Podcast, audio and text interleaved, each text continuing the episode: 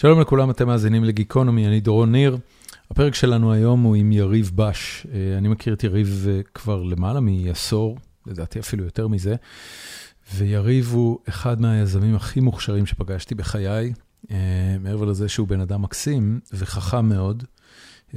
הוא גם אחראי לשתיים מהיוזמות היותר מרתקות שיצא לי לראות בחיי. הראשונה היא כמובן Space.il, עמותה שהוא הקים לפני יותר מעשור. ושהייתה אחראית להנחתת או ריסוק חללית בראשית על הירח. כתבו המון על הפרויקט הזה, ובפרק ניסיתי להתרכז דווקא בדברים אולי פחות אה, ידועים, אה, רגעים קצת יותר אנושיים וכל מיני ניואנסים שלא ידעתי ועניינו אותי. אה, אז, אז אם אתם לא שמעתם כלום על פרויקט בראשית, אני ממליץ שתלכו ורק תקראו על זה קצת לפני זה, ואז תגיעו לפרק, ואם אתם מכירים, אז, אז פשוט תאזינו ותהנו ממה שהוספנו. אה, הפרויקט השני זה Flytrex, חברה שיריב אה, מנהל כבר אה, כמה שנים טובות, ושבונה drones ל deliveries, או, או יותר נכון, בונה פתרון למשלוחים קצרים, ומשתמשת ב drones כדי לממש את זה. וגם לחברה הזאת כתבו הרבה, אז, אז לא נכנסנו ל premise הכולל, אבל דיברנו על הניואנסים של זה ועל הבעיות ואיך פותרים את זה. ודבר אחרון, יריב, הוא משותק מהגן ומטה, הוא עבר תאונת סקי ב-2017 שקטעה לו את עמוד השדרה והפכה אותו לנכה, וגם על זה דיברנו, בעיקר בתחילת הפרק. שתהיה לכם האזנה נעימה, פרק 551 עם יריב בש.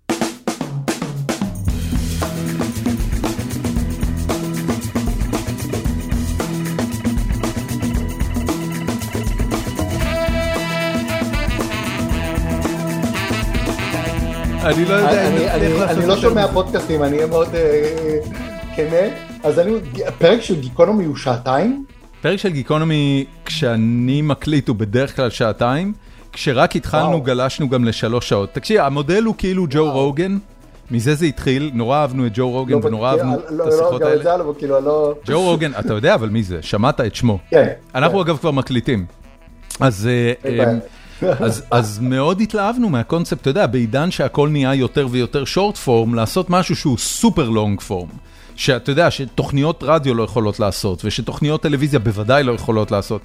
אז הרעיון היה לעשות משהו שהוא סופר לונג פורם, וזה מה שאנשים אוהבים, אתה מגיע למקומות uh, נורא מעניינים בשיחה ארוכה. השאלה אבל אנשים, איפה אתה כבר, אתה, אני נניח נוסע לעבודה על הכידון שלי, על הכיסא, 20 דקות לכל כיוון.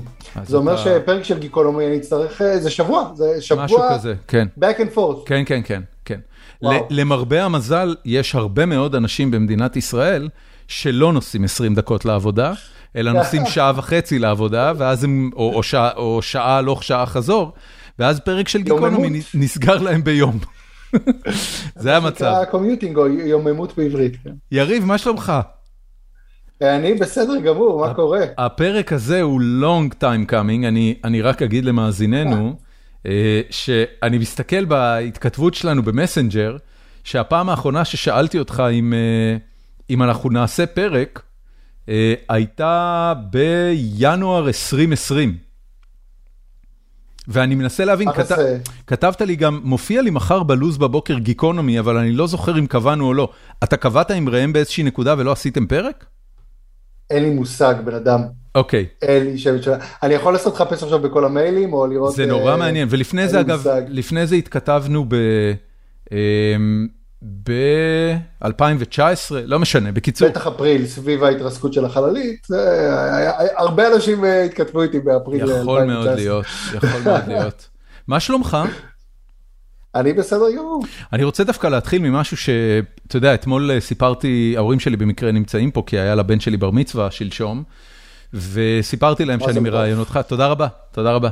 אמ, ו, ונזכרתי שדיברנו ממש אחרי הפציעה שלך, שהייתה ב-2017, ואני זוכר שהייתי המום לגמרי מזה שאמרת לי, תראה, זה מהמורה בדרך, ואני אצטרך לחכות עכשיו אה, משהו כמו 15-20 שנה, עד שהמחקר בתאי גזע והטיפול הרפואי וכל זה יאפשרו לשחזר לי את התפקוד של הרגליים, וזהו, וזה מה שצריך לעשות, כאילו, אתה יודע, כאילו העמיסו עליך איזה קיטבג, ועכשיו אתה צריך לאכול את החרא הזה, זה 20 שנה עד שהרפואה will catch up with you.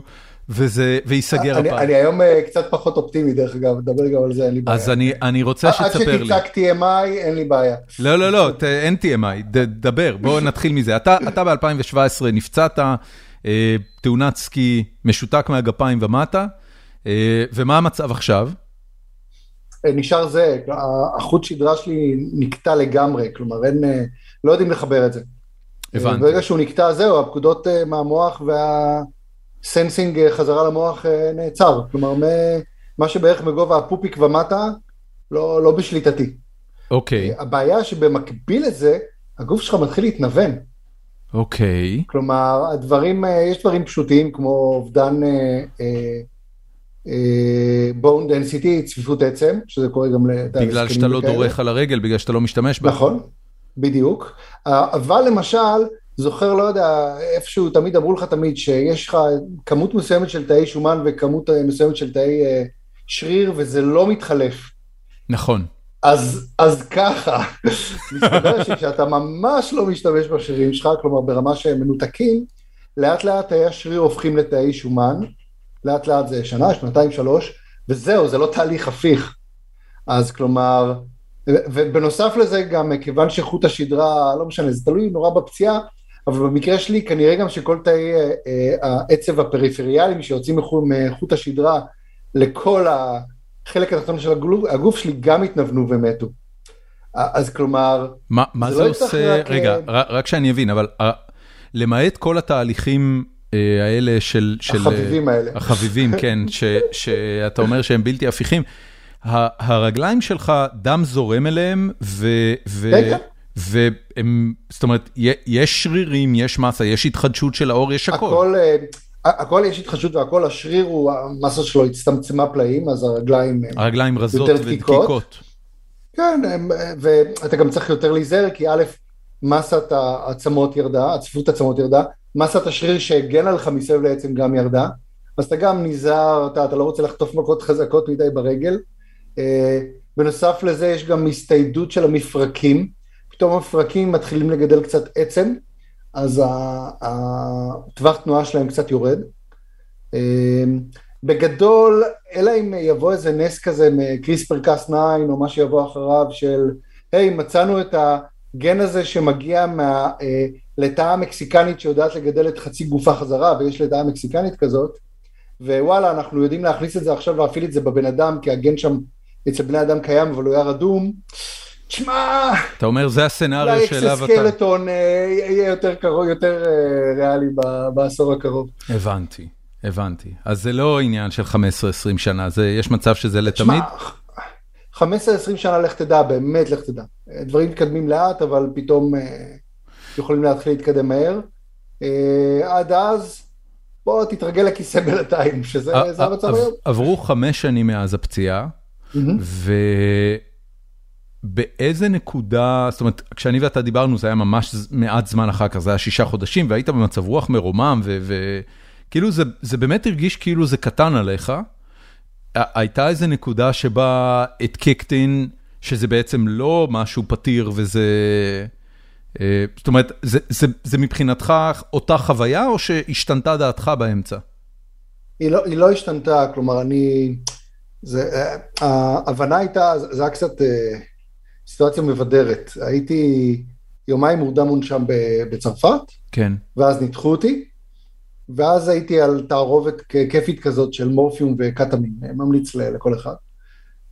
ותוך כדי באחת ההתעוררויות, איזה אחות האכילה אותי יוגורט או משהו כזה, שאל אותה כזה באנגלית, what just happened? היא אמרה לי, you just had surgery. פשוט שאלתי אותה, will I be able to walk? והיא פשוט נתנה לי, I'm sorry. אז חזרתי, פשוט בכיתי תוך כדי שאני מתעלף. ואשתי אחר כך, אשתי רופאה, אמרה לי, את דביל, ככה לא מודיעים למישהו על זה שהוא את הרגליים שלו, אולי התכוונה עם sorry, I don't speak English. אה, אבל זה, כלומר, זה הרגע שבו הבנתי.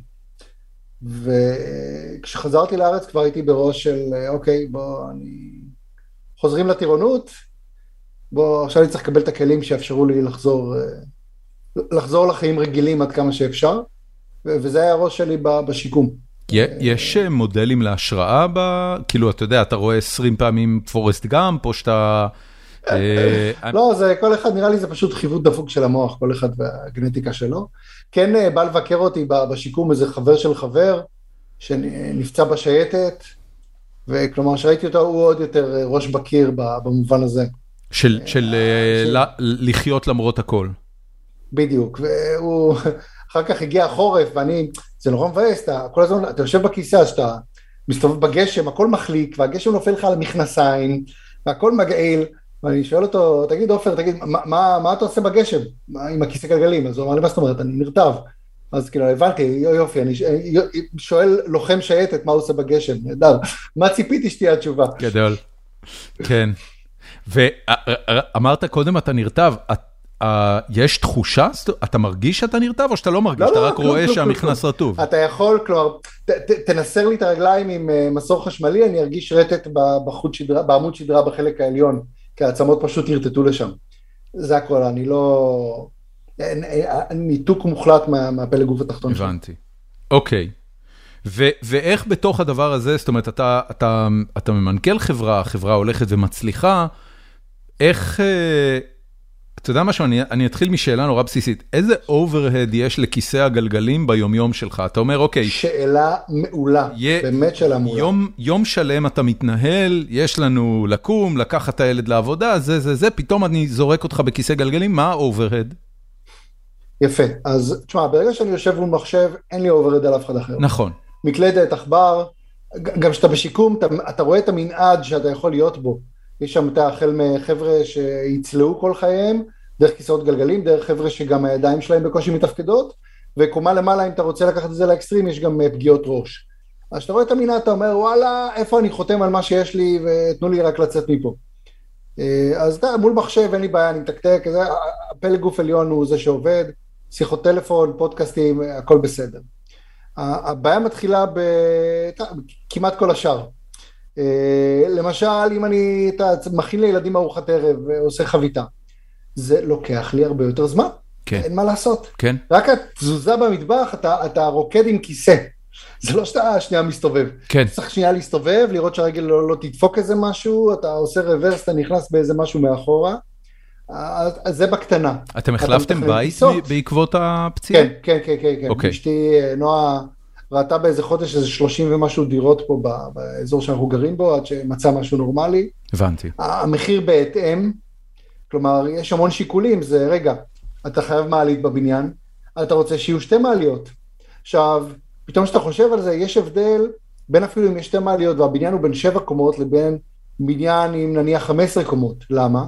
כי אם יש בבניין אפילו שתי מעליות והוא בין שבע קומות והמעליות מפסיקות לעבוד, לא נורא, יתקנו את זה מחר, מקסימום יום אחד תצטרך לעלות שש שבע קומות ברגל. בבניין של 15-16 קומות זה כבר לא קורה. הדרישה הפסיכולוגית, או הדרישה של הדיירים זה שהמעליות יעבדו, לפחות אחת בכל רגע נתון, כי לעלות 15-16 קומות ברגל, גם לבן אדם אה, הולך, זה, זה לא פשוט. אה, אז אתה מחפש את הבניינים האלה, כי אה, אתה בכיסא גלגלים, אין לי את האופציה הזאת. כן. אני או תקוע מחוץ לבית או בתוך הבית. אז לכמה זה מסתכם ברמת ה... ברמה היומית? שעה ביום? שלוש שעות ביום? אה, נניח מקלחת לוקחת בכיף שעה, שעה וחצי. וואו, אוקיי. אוקיי. קיצור, זה אה, חתיכת overhead, זה כאילו גילחו לך רבע מהיום, רבע משעות הערות שלך רק על התמודדות עם לא, הסיפור הזה. פחות, אבל כן, אני משתדל ממש לצמצם את זה. נניח יש אנשים בעולם. טיסות. אוקיי. אתה מה אתה עושה בטיסה? טיסה אתה, גם הכיסא שלי שהוא מאוד מאוד צר, Keep it simple, למדתי את זה מהרבה נכים אחרים, כיסא שלך שיהיה מינימלי, רק יעזור. אפילו הכיסא הצר שלך לא עובר, אפילו לא בביזנס של, של טיסה ממוצעת, מה שאומר שמעמיסים אותך כמו שק תפוחי אדמה לתוך אה, מריצה כזאת. אתה, אני תמיד מרגיש כמו, ב, וקושרים אותך כזה, אתה מרגיש כמו בשתיקת הכבשים כזה שמעבירים את... אה, עם המחסום על הפה. בדיוק, ככה חסר מחסום על הפה. אוקיי. ואז כמו שק תפוחי אדמה, תופסים אותך, מעבירים אותך למושב. אמ, ועכשיו, אה, אתה יודע, כאילו, אתה, אתה נוחת, כולם מתחילים לרדת מהמטוס, כולם מסיימים לרדת מהמטוס, עולים המנקים מתחילים לקרות סביבך, ואז מגיעים החבר'ה שמוציאים אותך. אז אתה חייב להיות מאוד סבלני, כי אתה, כן, כן, בינתיים כן. יש לך, יש לך טיסת המשך, אני, אני ממליץ לא לקחת אה, פחות משעתיים שלוש אה, רווח. הבנתי, כי- אוקיי. ואז פתאום אתה נוחת, אה, נוחת ב- בניו-יורק, ומגלה שהכידון שלך החשמלי, שברו לו את הכפתור פאוור. אוי אוי. אוקיי. או נוחת בבודפשט, ומגלה שהצליחו לעקם לך את אחד הגלגלים של הכיסא, ועכשיו שלושה ימים מסיבת רווקים, אתה, הגלגל שלך עושה שמיניות. וואו. מזלך אתה שיכור, אז פחות אכפת לך. אבל אתה לא, דוחסים, בן אדם, זה נשמע שאתה לא מוותר על כלום. זאת אומרת, אתה אומר אה, טיסות וזה, משמע, אתה טס את הטיסות, אתה בבודפסט, אתה. כאילו, לא מעניין אותך. כן, אבל זה דורש המון הכנות. בוא, אין, אה, תראה לי את האתר אינטרנט שבו אתה יכול אה, לסמן שאתה צריך כיסא, חדר לכיסא גלגלים עם ADA compliant rolling shower. הבנתי. אתה צריך, אתה צריך להרים טלפון, צריך לדבר איתם. אנחנו טסים לברלין בקיץ, כל המשפחה. אירופה זה עוד יותר גרוע מארצות הברית. ארצות הברית יש את הפורמט, ADA compliant room with a rolling shower. יש לכם, אין לכם. ושבוע לפני, מזכיר לכם, אני צריך את הרולינג שאואר, לא את האמפתיה עם המאחזים. כן. ואז אתה, ונניח, אתה מתקלח, אתה לא מתקלח עם הכיסא שלך. אתה יושב על האסלה, אתה צריך כיסא מיוחד. מה זה החרא הזה? אני צריך לקחת את זה איתי?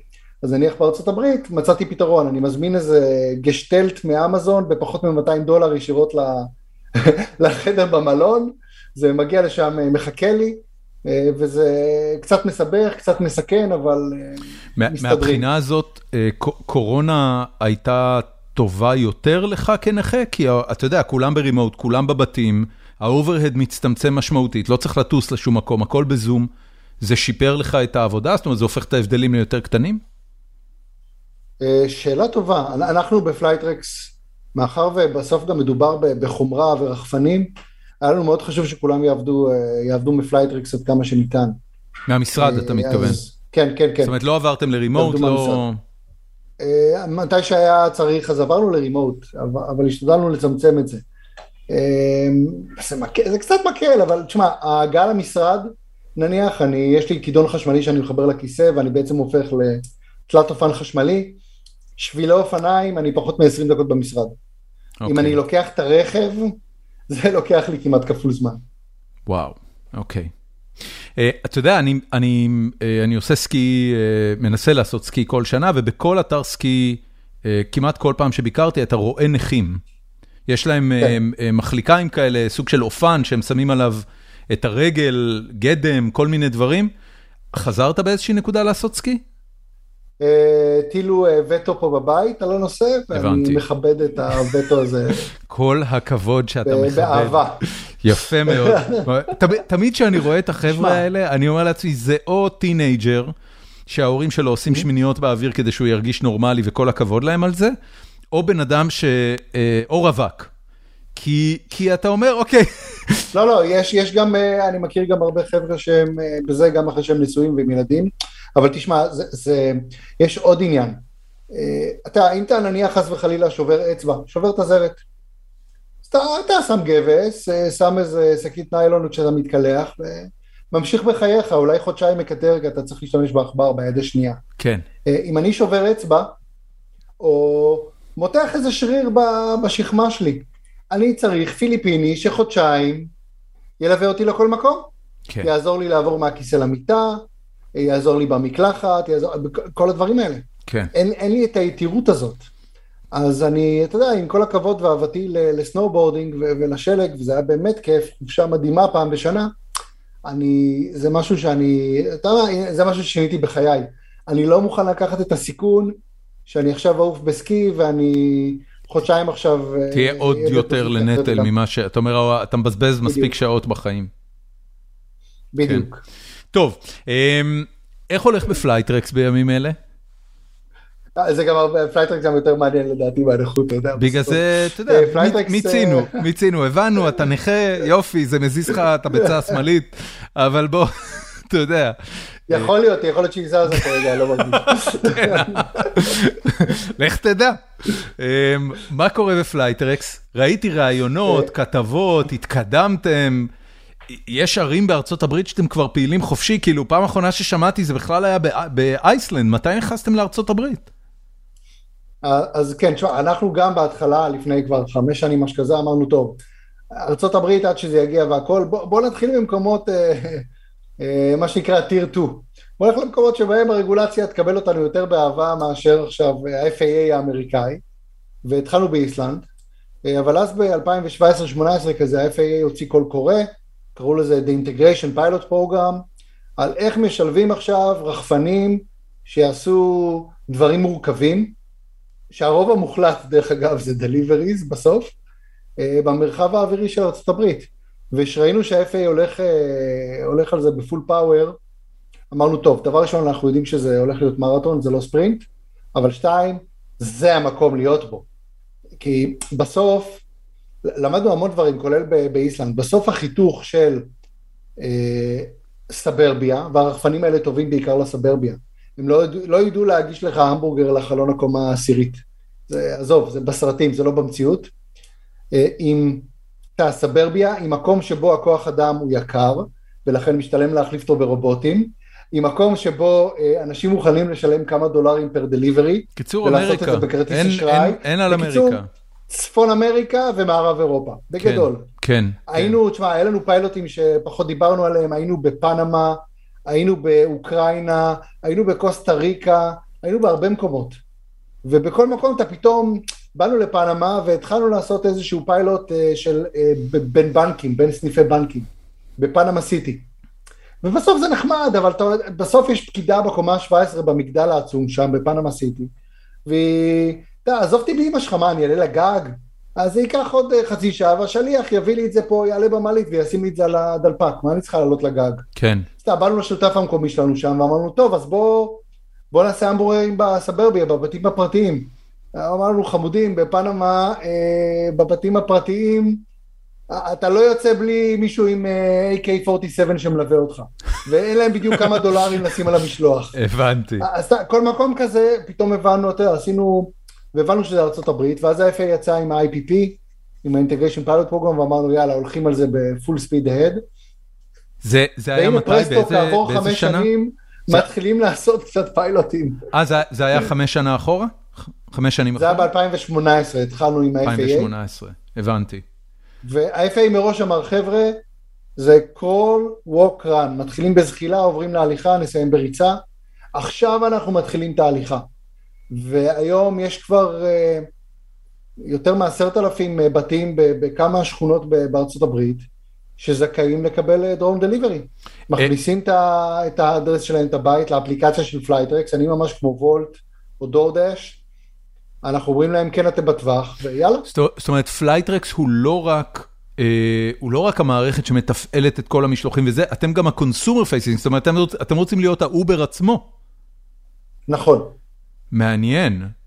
אז, אז אתם, אתם בעצם, עזוב רגע את הרחפנים, זה שאתם עושים את זה עם רחפנים זה, זה, זה ה execution, בפועל, אתם פשוט הולכים להיות מתחרים ל-UPSים והאוברים של העולם. UPS ואובר הם שתי חברות מאוד שונות, אה, אם תחשוב על זה. נכון. מה UPS עושה? היא יותר long range, אה, אופטימיזציה, בוא נביא את זה במשאית, נשים את זה ב- בלילה ב distribution center, נעשה במרכז הלוגיסטי, נעשה את כל ה sorting, ונוציא משאית עם מסלול אופטימלי לבוקר. אנחנו יותר בעולם של דורדש ואובר ווולט בישראל, שזה, אה, אני רוצה המבורגר עכשיו, תביאו לי אותו. אוקיי. Okay. זה משחק שונה. וגם, זה מעניין, כי אם אתה, אתה, אני תמיד נותן את הדוגמה הזאת, שאם השליח שלך בוולט היה מגיע במרצדס חדשה, נראה קצת משונה, זה לא מתאים. אה, זה צריך להיות משלוח מאוד מאוד זול. או אם UPS הייתה מביאה לך את הפיצה, זה גם, זה לא הגיוני, זה לא משאית. צריך משהו מאוד מאוד מסוים לזה. וזה נכון גם באוויר. כלומר, יש הבדל מטורף בין כלי וחברה שעושה עכשיו אה, משלוחי תרופות באפריקה ל-100 קילומטר ומצילה חיים, וגובה על זה 50 דולר למשלוח, כי זה עלות. כן. לבין עכשיו חברה שצריכה להביא את ההמבורגר חם תוך 20 אה, דקות למרחק של שלושה קילומטר. כן. זה, זה לא רק הכלי עצמו שהוא מאוד שונה, זה, זה כל החברה עצמה היא שונה. כשאם אני זוכר נכון את אה, שיחותינו בעבר, כשפלייטרקס התחילו, אז אה, אז החזון היה הרבה יותר רחב מזה, זאת אומרת, אני שומע אצלך, מה, כנראה מה... אתה יודע, איך החמש שנים האחרונות דפקו אתכם כמו שניצל, אני שומע שבעצם הבנתם, אז הצוקל, כן. שברמת ה unit economics, ברמת ה... איפה בכלל הדבר הזה שנקרא drone delivery, איפה אפשר לחדור לשוק? ואתה אומר, זה חייב להיות משלוח שצריך להגיע מהר, ושמוכנים לא, לשלם לא, עליו את הכמה לא- דולרים? זה בסוף, זה היה לבחור את ה segment market שנראה לנו הכי מעניין ורלוונטי, ולעשות אופטימיזציה אליו. זה אוקיי, לא היה איפה אני רוצה אוקיי. לשלוח קצר. זה היה הבנתי. מה נראה לנו הכי מעניין, ושנוכל לחדור עליו הכי מהר, ו- ולשם הלכנו, ולשם, כלומר, עשינו את כל החברה. בדקתם את המודלים השונים אה, באקסל? זאת אומרת, הסתכלתם ואמרתם, תקשיב, הנה, אם אנחנו הולכים ועושים את זה בקוסטה ריקה, משלוחי ברגים לפרברים, אז זה כמות המשלוחים, זה כמה שזה יעלה, זה כמה שיש נכונות לשלם, לא עובד, האקסל לא. מתכנס. אתה לא צריך אקסל בשביל זה. הבנתי. אתה אומר, זה back of the envelope, יותר אתה יודע תוך. דקה. לגמרי, לגמרי, לגמרי, לגמרי. מעניין מאוד. אוקיי. אה, אז יש, מה, יש היום חברות שאומרות, אה, אנחנו לא רוצים להיות ה-last אה, last, last mile הזה של ההמבורגר מה shopping center לשני מייל אווי. אנחנו רוצים להיות אלה שעכשיו מעבירים אה, distribution center אחד לשני במרחק של 500 מייל, 200 קילוגרם. וגם על זה עובדים. זה בעיות מסדר גודל זמן. שונה לגמרי, אתה אומר. זה, זה נכון, אה, שרחפן אה, ששוקל 15 קילו נופל לך לבית, זה בעיקר בעיה של פלייטרקס, שכלי תעופה כזה עם 200 קילוגרם payload ששוקל חצי טון נופל לך לבית, סיפור זה אחר. כבר בעיה משותפת. כן, כן, כן. איך קוראים לחברה שעובדת על הבעיה הזאת? אה, יש כמה, וואי, לא זוכר עכשיו את השם, יש, לא נורא. יש כמה כאלה. לא נורא. ה- החברה, יש חברה נורא מעניינת שכבר זוכה במכרזים של ה-US Air Force, שדרך אגב זה האק מעניין, כי סרטיפיקציה צבאית היא במובנים מסוימים הרבה יותר קלה מסרטיפיקציה אזרחית. זה למה כל המזל"טים כמעט שאתה מכיר והמל"טים הצבאיים, כמעט כולם אין להם אה, סרטיפיקציה אזרחית מלאה. כולם עובדים תחת אה, סרטיפיקציה צבאית. מעניין. למה? כי מה- כאילו, מה ההבדל בין הצבאי לאזרחי? למה הצבאי הוא קל יותר? אני תמיד, בתור אה, מעריץ נלהב של הבית הלבן, אז אני תמיד, אה, יש שם סצנה מכוננת שהם מדברים על למה מאפרה בצוללת עולה 100 דולר. אולי, כן, כן, ואז, ואז כן. קריסטיאן סלייטר, שמשחק את הקצין, שובר את המאפרה, שובר את כן. המאפרה והיא נשברת לשלושה חלקים שווים ולא חדים, והוא אומר, זה למה היא עולה, היא צריכה לעלות 100 דולר, כי אתה לא יכול להרשות לעצמך שמאפרת זכוכית תתנפץ לאלף רסיסים בתוך צוללת. אז, אז אני תמיד חשבתי שצבאי זה יקר יותר בגלל העניין הזה. אה, דרך אגב, אני לא יודע למה יש מאפרה בתוך צוללת, זה נשמע לי אה, קצת זה מלחיץ, פרק אה, בבית. אבל כן. לא, לא, זה עדיין, זה היה פרק. אני, גם לא יודע, זה. אבל זה סצנה מעולה. סדרה זה מכוננת, כן. כן, זה סצנה נהדרת. יש, בכלל, זה, מי שלא ראה, זה סדרה עם וואו. וואו. כן, כמה סצנות מדהימות. אבל למה, אם אה, ככה, איך יכול להיות ש... כן, אבל תחשוב איפה הכלים האלה עובדים. כלי צבאי, איפה הוא עובד?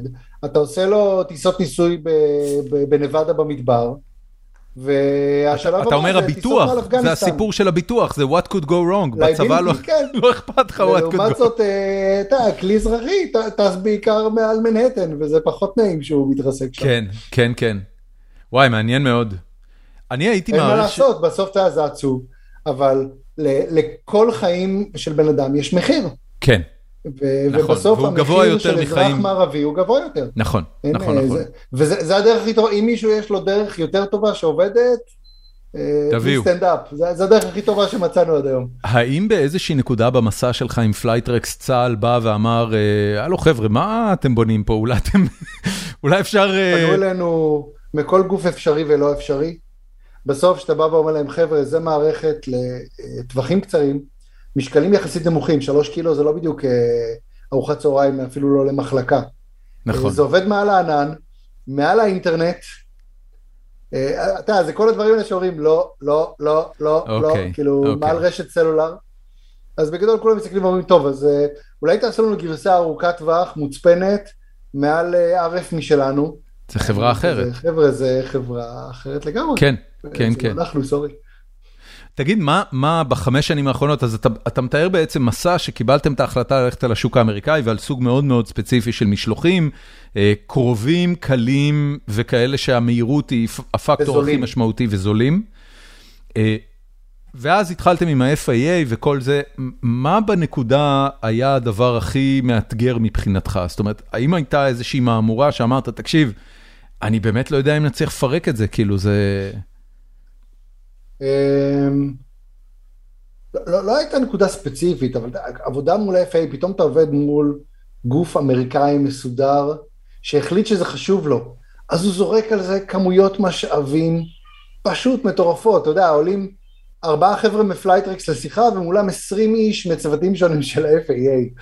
כלומר, זה, זה, אתה מגיש maintenance manual, וזה, הוא, הוא צריך להיכתב לפי פורמט של אה, type certification, שזה תהליך עם heritage של קרוב למאה שנה. זה, סליחה, על הבורות, מה זה type certification? זה בעצם החותמת שבואינג מקבלת מה-FAA, אז מותר לכם להטיס את הדרימליינר בשמי ארצות הברית. אוקיי. וזה התהליך שפלייטרקס עוברת. הבנתי. אחד לאחד. אוקיי. ואותו בן אדם שבודק אותי, לפני זה יכול להיות שהוא בדק גרסה חדשה של הדרימליינר. אוקיי. והוא מתייחס לשני הפרויקטים באותה רצינות. כי חיי אדם אז, מעורבים כי, פה. כי בסוף זה, זה לא, זה, זה ה-National Airspace.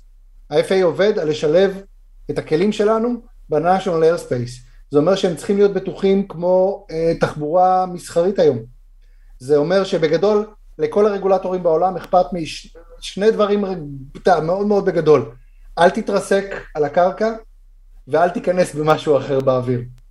זה, אוקיי. אתה יודע, במעוף הציפור, אה, מה שאכפת להם.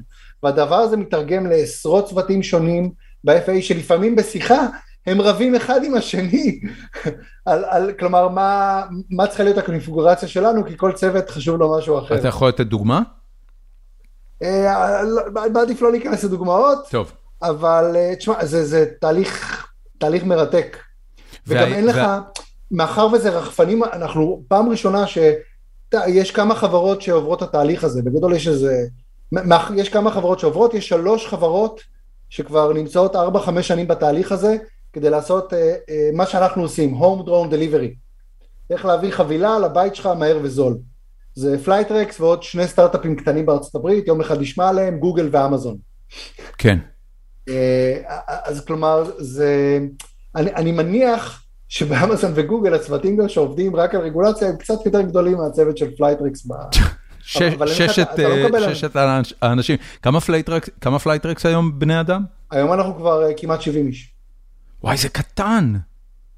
70 איש.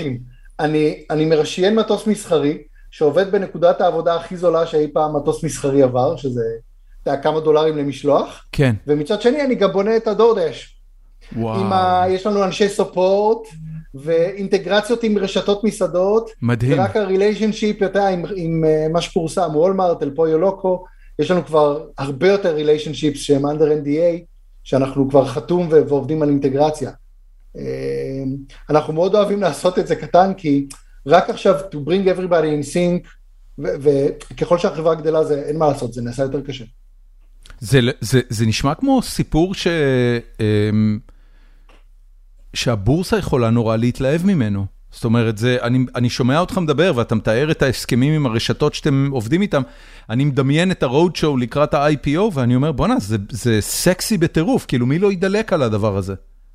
תשמע, אבל בסוף עוד אין לנו אה, את ה-net revenue במיליונים to, to brag about. זה מה שצריך בסוף, מבחינתכם בשביל ה-IPO? כן, תשמע, היו, היו המון חברות ועדיין יש, יש עשרות חברות, uh, we're doing drones, we're doing drone delivery. וכולם תבואו ותשאל אותם רגולציה, יגידו, אה, זה לא בעיה, זה לא בעיה, my body, החבר שלי, פטור, FAA, החבר שלי מבוי, פטור, שנה, שנתיים אנחנו טסים. ובסוף המון, המון VCs והמון משקיעים השקיעו בהמון חברות כאלה. אה, אתה, בעקבות אמזון, אה, הודיע שעוד שנייה יש דרון דליבריז ב-2013. והרבה אנשים הפסידו הרבה כסף. וואו, אה, אוקיי. ועכשיו כולם יושבים על הגדר ואומרים, כן, שמענו כבר את הסיפור הזה. בוא נראה מישהו. ביבי, בוא, בוא תראה לי באמת שאתה טס. אז שוב, אנחנו היום, עד כמה שאנחנו יודעים, אנחנו ה drone delivery, home drone delivery הכי גדול בארצות הברית. הגעתם עם זה לאילון מאסק? אה, לא, למה דווקא אליו? האמת, יש אמירה שלו ששאלו אותו על drone deliveries, והוא אמר, אין סיכוי שאני נכנס לחור הרגולטורי הזה. באמת? אני לא זוכר איפה זה היה באיזה כתבה או איזה... אני שואל כי היה לו פרק עם לקס, לא זוכר את שם משפחתו פודקאסטר, שנורא נהניתי להאזין לו, ובאיזושהי נקודה הוא שאל אותו, תגיד, למה אתם לא עושים מטוס חשמלי? אתם עושים מכונית חשמלית, אתם עושים חללית כבר שיודעת לנחות חזרה, איפה תעופה? והוא, והוא אמר בצורה מאוד כנה, הוא אמר, תקשיב, אין לי, אין לי מספיק זמן, אין לי mental bandwidth לחשוב גם על מטוס, ואז הוא נתן קטע של איזה חמש דקות שבו הוא תיאר את שלל הבעיות שהוא יצטרך להתמודד איתן כדי uh, לבנות מטוס מסחרי חשמלי. Uh, דברים שקשורים לאיך המטוס מתרומם באוויר ומה המשקל שלו וכמה הבטריה צריכה לשקול וכולי וכולי. בוא, בוא אני אתן לך נתון אחד מרתק. מה היחס אנרגיה עצורה לקילוגרם, מה ההפרש או מה היחס בין אה, דלק מטוסים לבין סוללת ליתיום אה, מהדור המתקדם שאתה יכול לקנות היום בצורה חופשית בשוק. אה, אני חייב שקודם כל נסביר למאזינים שלנו בכלל על מה אתה מדבר. בסופו של דבר כל כלי רכב צריך לסחוב את הדלק שלו איתו.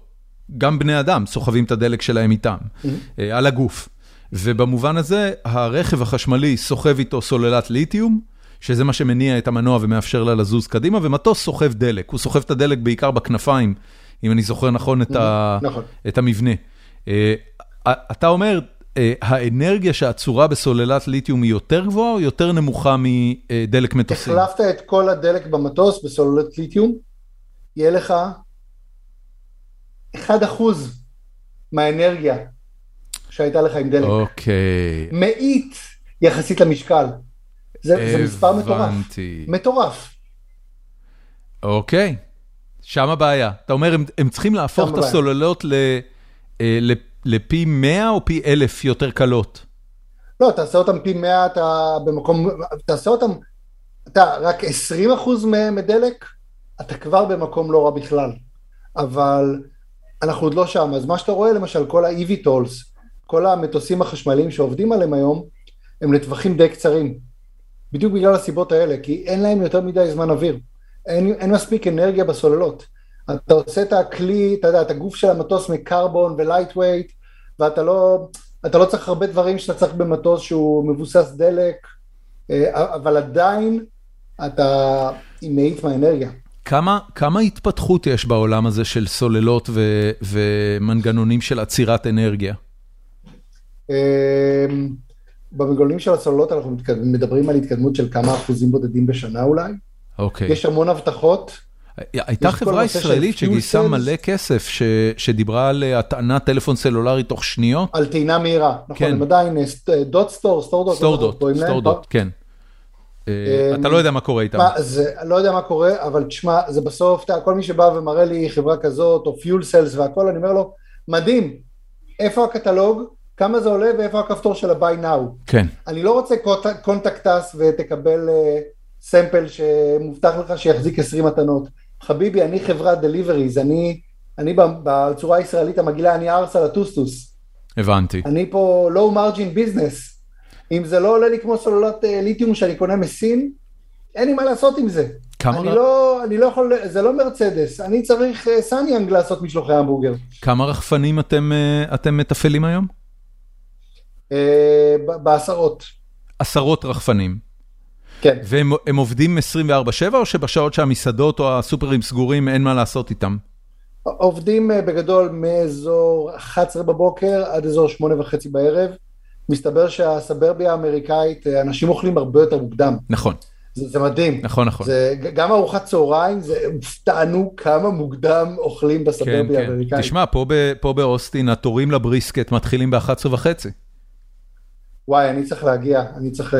אתה מוזמן. שיש לי גם סיבה לבוא לבקר אני באזור. אני אקח אותך ל... הבנתי, יש, הבנתי שיש את הבריסקט שהיא פותחת רק יום בשבוע או משהו כזה, בסוף זה, שבוע. זה, יש אה, מקום של ברבקיו שנמצא שעה וחצי נסיעה מפה צפונה, והיא פותחת ליום אחד בשבוע, כי היא כבר בת 80 ומשהו. אז אמ, אני אגלה לך טריק, עם הכיסא גלגלים, כן. יש מצבים שבהם אתה יכול, את כל הזמן שאיבדת על המקלחת, אתה יכול לחסוך על לעמוד בתור. שזה די מצחיק, כי אני היחידי שיושב בתור, אבל עדיין. כן, אוקיי, הנה, אתה רואה, יש... זה יפה שאתה רואה את הפלוסים בכל דבר. אה, חזרה רגע לפלייטרקס, אה, קצב ההתקדמות הוא קצב לינארי או קצב אקספוננציאלי?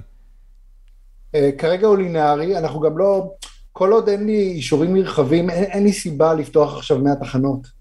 כלומר, אני, אני לא רוצה לבוא למשקיעים ולהגיד להם, היי, תראו, הנה יש לי 100 תחנות, אני מפסיד בכל אחת התחתונים, כי אני עדיין מוגבל ב-one nautical mile, אבל uh, ברגע שה-FA יחליט, אז תראו, וזה אוטוטו, אני מבטיח לכם, וזה אוטוטו, נתחיל להרוויח כסף, כי אתה יודע מה, יכול להיות שה-FA יתעטש, וזה לא יהיה עוד חודשיים שלושה כמו שאנחנו מקווים, זה יהיה עוד חצי שנה. כן. והנה בינתיים שרפתי הרבה יותר כסף, אז אין באמת סיבה. כלומר, אנחנו רק מהכמה תחנות שיש לנו היום, לומדים המון, עושים אופטימיזציה, גם בצד של הכלי, כבר עובדים על הכלי הבא ועל גרסת ביניים ומה שאתה רוצה, וגם בצד של, אתה יודע, כאילו זה, זה, זה דורדש of the skies, זה ראשון מסוגו. אתה, ה-know-how והידע שאתה צובר והמערכות שאתה בונה רק בשביל הדבר הזה, זה, אתה, זה, זה רווח עצום וכאילו לפלייטרקס בלי, בלי שאני צריך עכשיו 100 תחנות כדי, אתה יודע, כן. לשרוף את הכסף שלי על זה.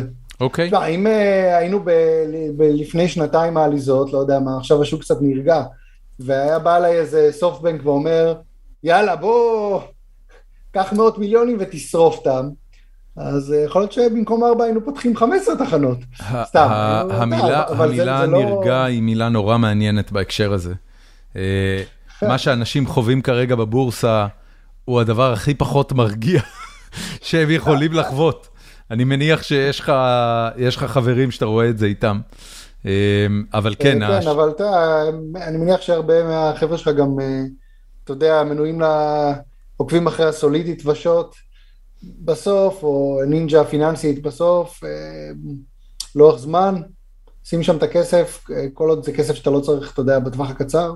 כן. וכנראה שזאת תהיה ההשקעה הכי, הכי טובה ורגועה שתעשה. זה נכון. בנג'מין ב- גרם אמר את זה כבר לפני 80 שנים. כן, בטווח של עשר שנים, אם אתה לוקח תקופות של עשר שנים, זה נדיר מאוד אה, נכון. לא למצוא עשור שבו הייתה תשואה מאוד מרשימה בלשים את הכסף בבורסה. זה נכון. טוב, אה, אז מה מבחינתך ה milestone הבא לפלייטרקס? רק כדי לסגור את הפינה הזאת? אה, תשמע, שנקבל אישורים לשני אה, מיילים אה, ימיים, שזה... שזה בבת אחת מרחיב לך. 6 קילומטר. כן. זה פתאום, הרדיוס גדל פי 2, השטח גדל פי 4. נכון. הרדיוס בריבוע. אז אתה בעצם פתאום משרת פי 4 יותר אנשים. זה פי 4 יותר אנשים ששולחים לך פתאום סופורט, הצ'יפס הגיע קר, או ביקשתי את המיונז בצד ושמתם לי אותו על האוכל. הולך להיות מאתגר. וכיף, כן. כלומר, זה אתה, זה, זה, זה, זה, זה, זה, זה המסע. זה מה שאנחנו צריכים לעשות. לגמרי, לגמרי, לגמרי. Uh, טוב, בוא נדבר קצת על Space.il. Uh, כמה זמן עבר מאז, ה, מאז ההתרסקות? Uh, שלוש שנים וקצת. אוקיי. Okay. אני רוצה דווקא ללכת להתחלה. Uh, כי, כי זה באמת היה מסע מאוד נדיר ולא למטרות רווח. זאת אומרת, זה... זה... הרבה מפספסים את זה בהרבה מקומות. כתוב אה, אה, למשל המשקיעים של ספייסל, ולא התורמים של ספייסל. משקיעים. אה, זה קשה, קשה עם זה. כן, למה אתה חושב שזה ככה? אולי אתם גורמים לזה להיראות כמו סטארט-אפ. התשובה היא כן, זה בהרבה מובנים נראה כמו סטארט-אפ. אבל בסוף כל בעל עמותה, לא רוצה להגיד אמיתית, אבל עמותה שיש לה את ההכנסות, הוצאות והכל, בסוף זה חברה. אם לא יהיו לך הכנסות, לא תוכל לשלם משכורות, לא, לא תוכל להוציא את ההוצאות שאתה צריך, מה, מה, חוץ מתרומות, איזה הכנסות יש לספייס.איי.אל? לא, הכל זה תרומות. יש לך, אתה כעמותה בישראל יכול קצת לקבל הכנסות, למשל, אם אתה עושה אירוע שנתי ומוכר כרטיסים, אז זה סוג של הכנסות. הבנתי. אה, אבל די, זה כתרומה לאירוע, כן. לארגון. כן, אז, כן. אבל בגדול זה, זה, זה הכל תרומות. אוקיי. וקצת uh, תמיכה ממשלתית, אה, זה לא תרומה כי זה תמיכה ממשלתית. כמה כסף הושקע עד היום בספייס.איי.אל? Uh, ההתרסקות הראשונה עלתה כ-100 מיליון דולר, ואנחנו צופים שההתרסקות השנייה תעלה סכום דומה. אבל, you get two for the price of one, אתה תקבל שני ניסיונות נחיתה במקום אחד. אה, זאת אומרת, אתם כבר מראש עושים את זה ב double. בדיוק, זה היה רעיון די מגניב של הצוות. אתה יודע שב... בגדול אנחנו שולחים... בסרט, ראית את הסרט Contact? של... אה, Why build one for the price of Exactly. one? You can build two for the price of two. כן. בדיוק, הם פשוט בונים שניים, ואז ברגע שאחד מתפוצץ, אז יש אחד שם בהוקיידו היה- הוא היה island. צבאי וסודי, בדיוק. הוא כנראה מכיוון שהוא היה צבאי, הוא עלה גם כפול. נכון, נכון. וואי, זה, זה הברקה גאונית שם בסרט, איזה סרט נהדר, כן. וואו. אז רגע, 100, זה 100 מיליון דולר אה, על החללית הראשונה. תספר לי קצת, תעשה לי רגע breakdown של ה-100 מיליון דולר האלה, על מה הם הלכו. אה, זה בסוף, הכל הולך על אנשים. באמת? הכל הולך על אנשים, תלוי ב breakdown. כלומר, נניח קנינו... זאת אומרת, אה, החללית עצמה, החומרה וזה, לא עלתה הרבה? לא, אבל בסוף זה, מה זה החומרה? קנינו מערכת אה, רדיו חללי שנאס"א השתמשה בו בעבר אה, במודל דומה למשימה שלהם, וקנינו אותו במיליון דולר. הרי בסוף האלומיניום שם, מוציאים אותו מהאדמה, הוא לא עולה הרבה. הצ'יפים, זה צ'יפים שעולים אה, כמה עשרות אלפי דולרים. על מה אתה משלם? על ה-workmanship של התכנון והבנייה והבדיקות וכו' וכו'. אז אני יכול להגיד, המקמ"ש עלה מיליון דולר, אבל בסוף מה, מה עלה? הכוח אדם שבחברה האמריקאית כן. שבנתה את זה. כן, כן, כן. אמ, אבל אם אתה רוצה מבחינת המודולים גדולים, אז החלק שעלה הכי הרבה זה, זה השיגור. שכמה הוא עלה? אה, לא פרסמנו, אבל... אה, ב- מיליונים. עשרות? אה, ב- בעשרות הבודדות. אוקיי, אה, שיגור שלם היום של SpaceX מפורסם באזור ה-50 מיליון דולר. אוקיי. תפסנו טרמפ על שיגור של מישהו אחר, אבל אתה לא משלם, אתה משלם הרבה יותר מהחלק היחסי שלך, כי זה לא... זה לא, זה לינארי. לא, אתה לא באמת טרמפיסט. הם צריכים ממש זה.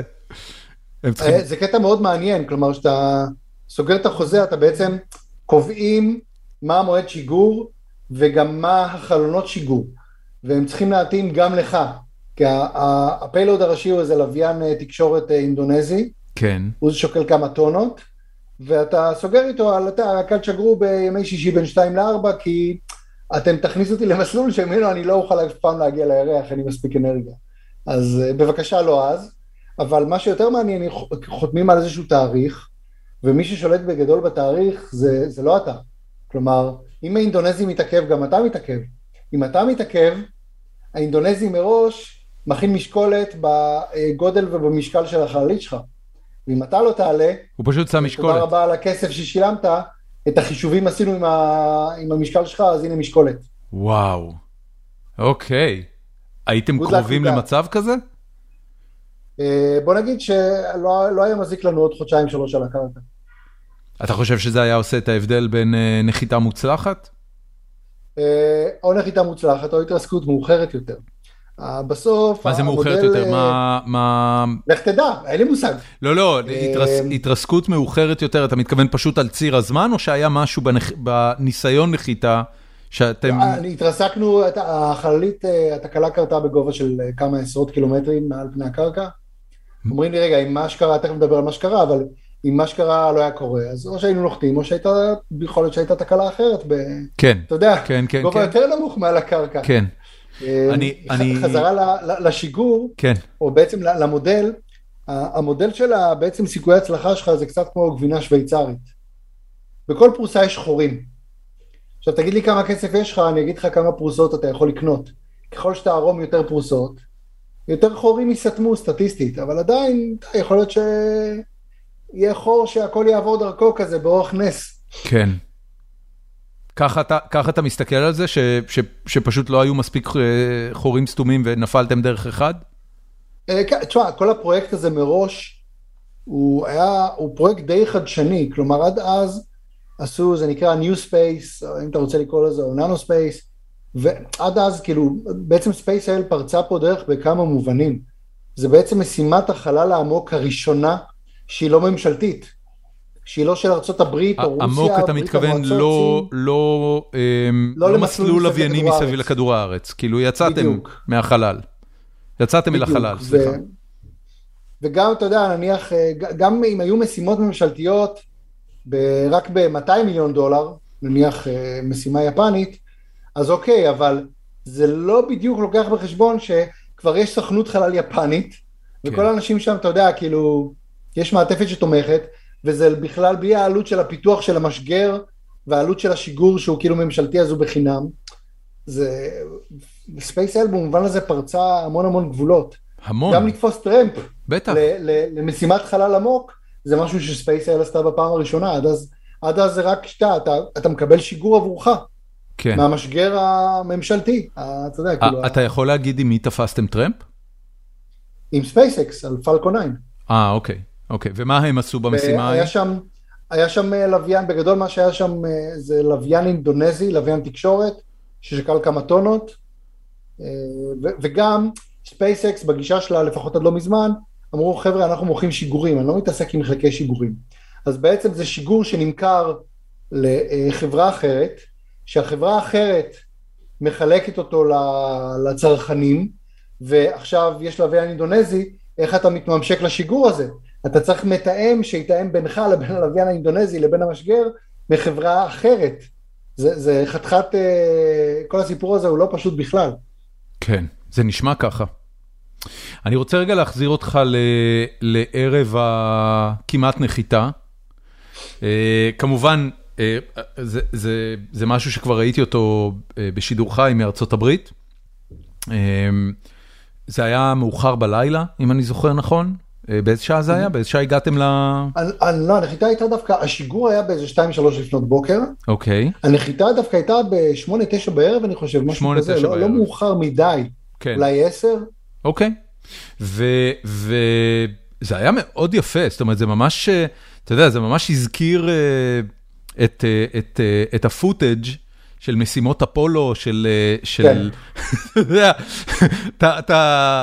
אתה רואה את אפולו 13 ואת הנחיתה לירח, כאילו מכינים את כולה וזה, ונתניהו היה שם, ושרה הייתה שם, ומעמד מאוד מאוד... תשמע, לזכותם ייאמר, הם באו, אז השיגור היה באמצע מערכת הבחירות, אחת ממערכות הבחירות, והם באו באיזה שלוש לפנות בוקר לשיגור, מתוקתקים, כאילו שהשעה שתיים בצהריים, וביבי לא, ארז, לא יודע מה, עשרים שעות ביום רץ, רק רץ במרכז כן. ליכוד אחר לזה, היה באמת, נתניהו, כי גם בשיגור, השיגור עוד לא היה גם, זה כלומר, הציבור בגדול עוד לא הכיר ממש את הפרויקט, והתקשורת עוד לא ממש הכירה, ודווקא בקטע הזה, אתה יודע, לזכותם ייאמר, הם באו גם בשיגור. נתניהו יש לו תכונה מופלאה שהוא יודע מתי זה מאני טיים. הוא פשוט יודע מתי זה מאני טיים, הוא יודע מתי זה רגע, אתה יודע, וזה, וזה גם כנראה חלק מהעובדה שיש לו אה, אה, רקע תרבותי אמריקאי, זאת אומרת, הוא מבין כן. מה המשמעות של שיגור חללית ישראלית ראשונה לירח, זה כאילו רגע מכונן בתולדות הציונות. העם, הצי, העם היושב בציון, הקטן וה, והמוכה גורל, אה, משגר חללית. אבל אני, אני, בוא נחזור רגע לנחיתה. מאושוויץ לירח. בדיוק, תקשיב, זה כזה, זה תקומת העם היהודי. קישון היה כותב על זה דברים נהדרים, לא משנה. אני רוצה רגע לחזור לנחיתה. המסע עד לירח, עד לאותו ערב, כשעליתם לשידור חי, כמה החללית הייתה רחוקה מפני הירח? התחלנו בעצם, השידור התחיל כשהחללית נמצאת במסלול של סדר גודל 100 קילומטר מעל פני הירח. מעל פני הירח, מסלול מעגלי, כן. מקיפה. והמסלול נכון. הוא יציב או שמראש היה ברור שהמסלול הוא מעגלי יורד ו... ו... בגדול זה מה שנחמד בפיזיקה, ברגע שאתה אתה, אתה בוואקום של החלל, ברגע שאתה שם משהו במסלול, בין אם זה מסביב לכדור הארץ או לירח, בגדול הוא נשאר שם. לאורך זמן זה קצת נשחק, מסביב לכדור הארץ עדיין אתה פוגע במולקולות, אה, בייחוד. בלואו ארץ אורביט, איפה שלווייני הריגול ותחנת החלל הבינלאומית, לווייני תצפית וכו', וסביב הירח אתה כן מתחיל להיות מושפע מגרביטציה של כדור הארץ בעיקר, אז, אז זה קצת מעוות לך את המסלול.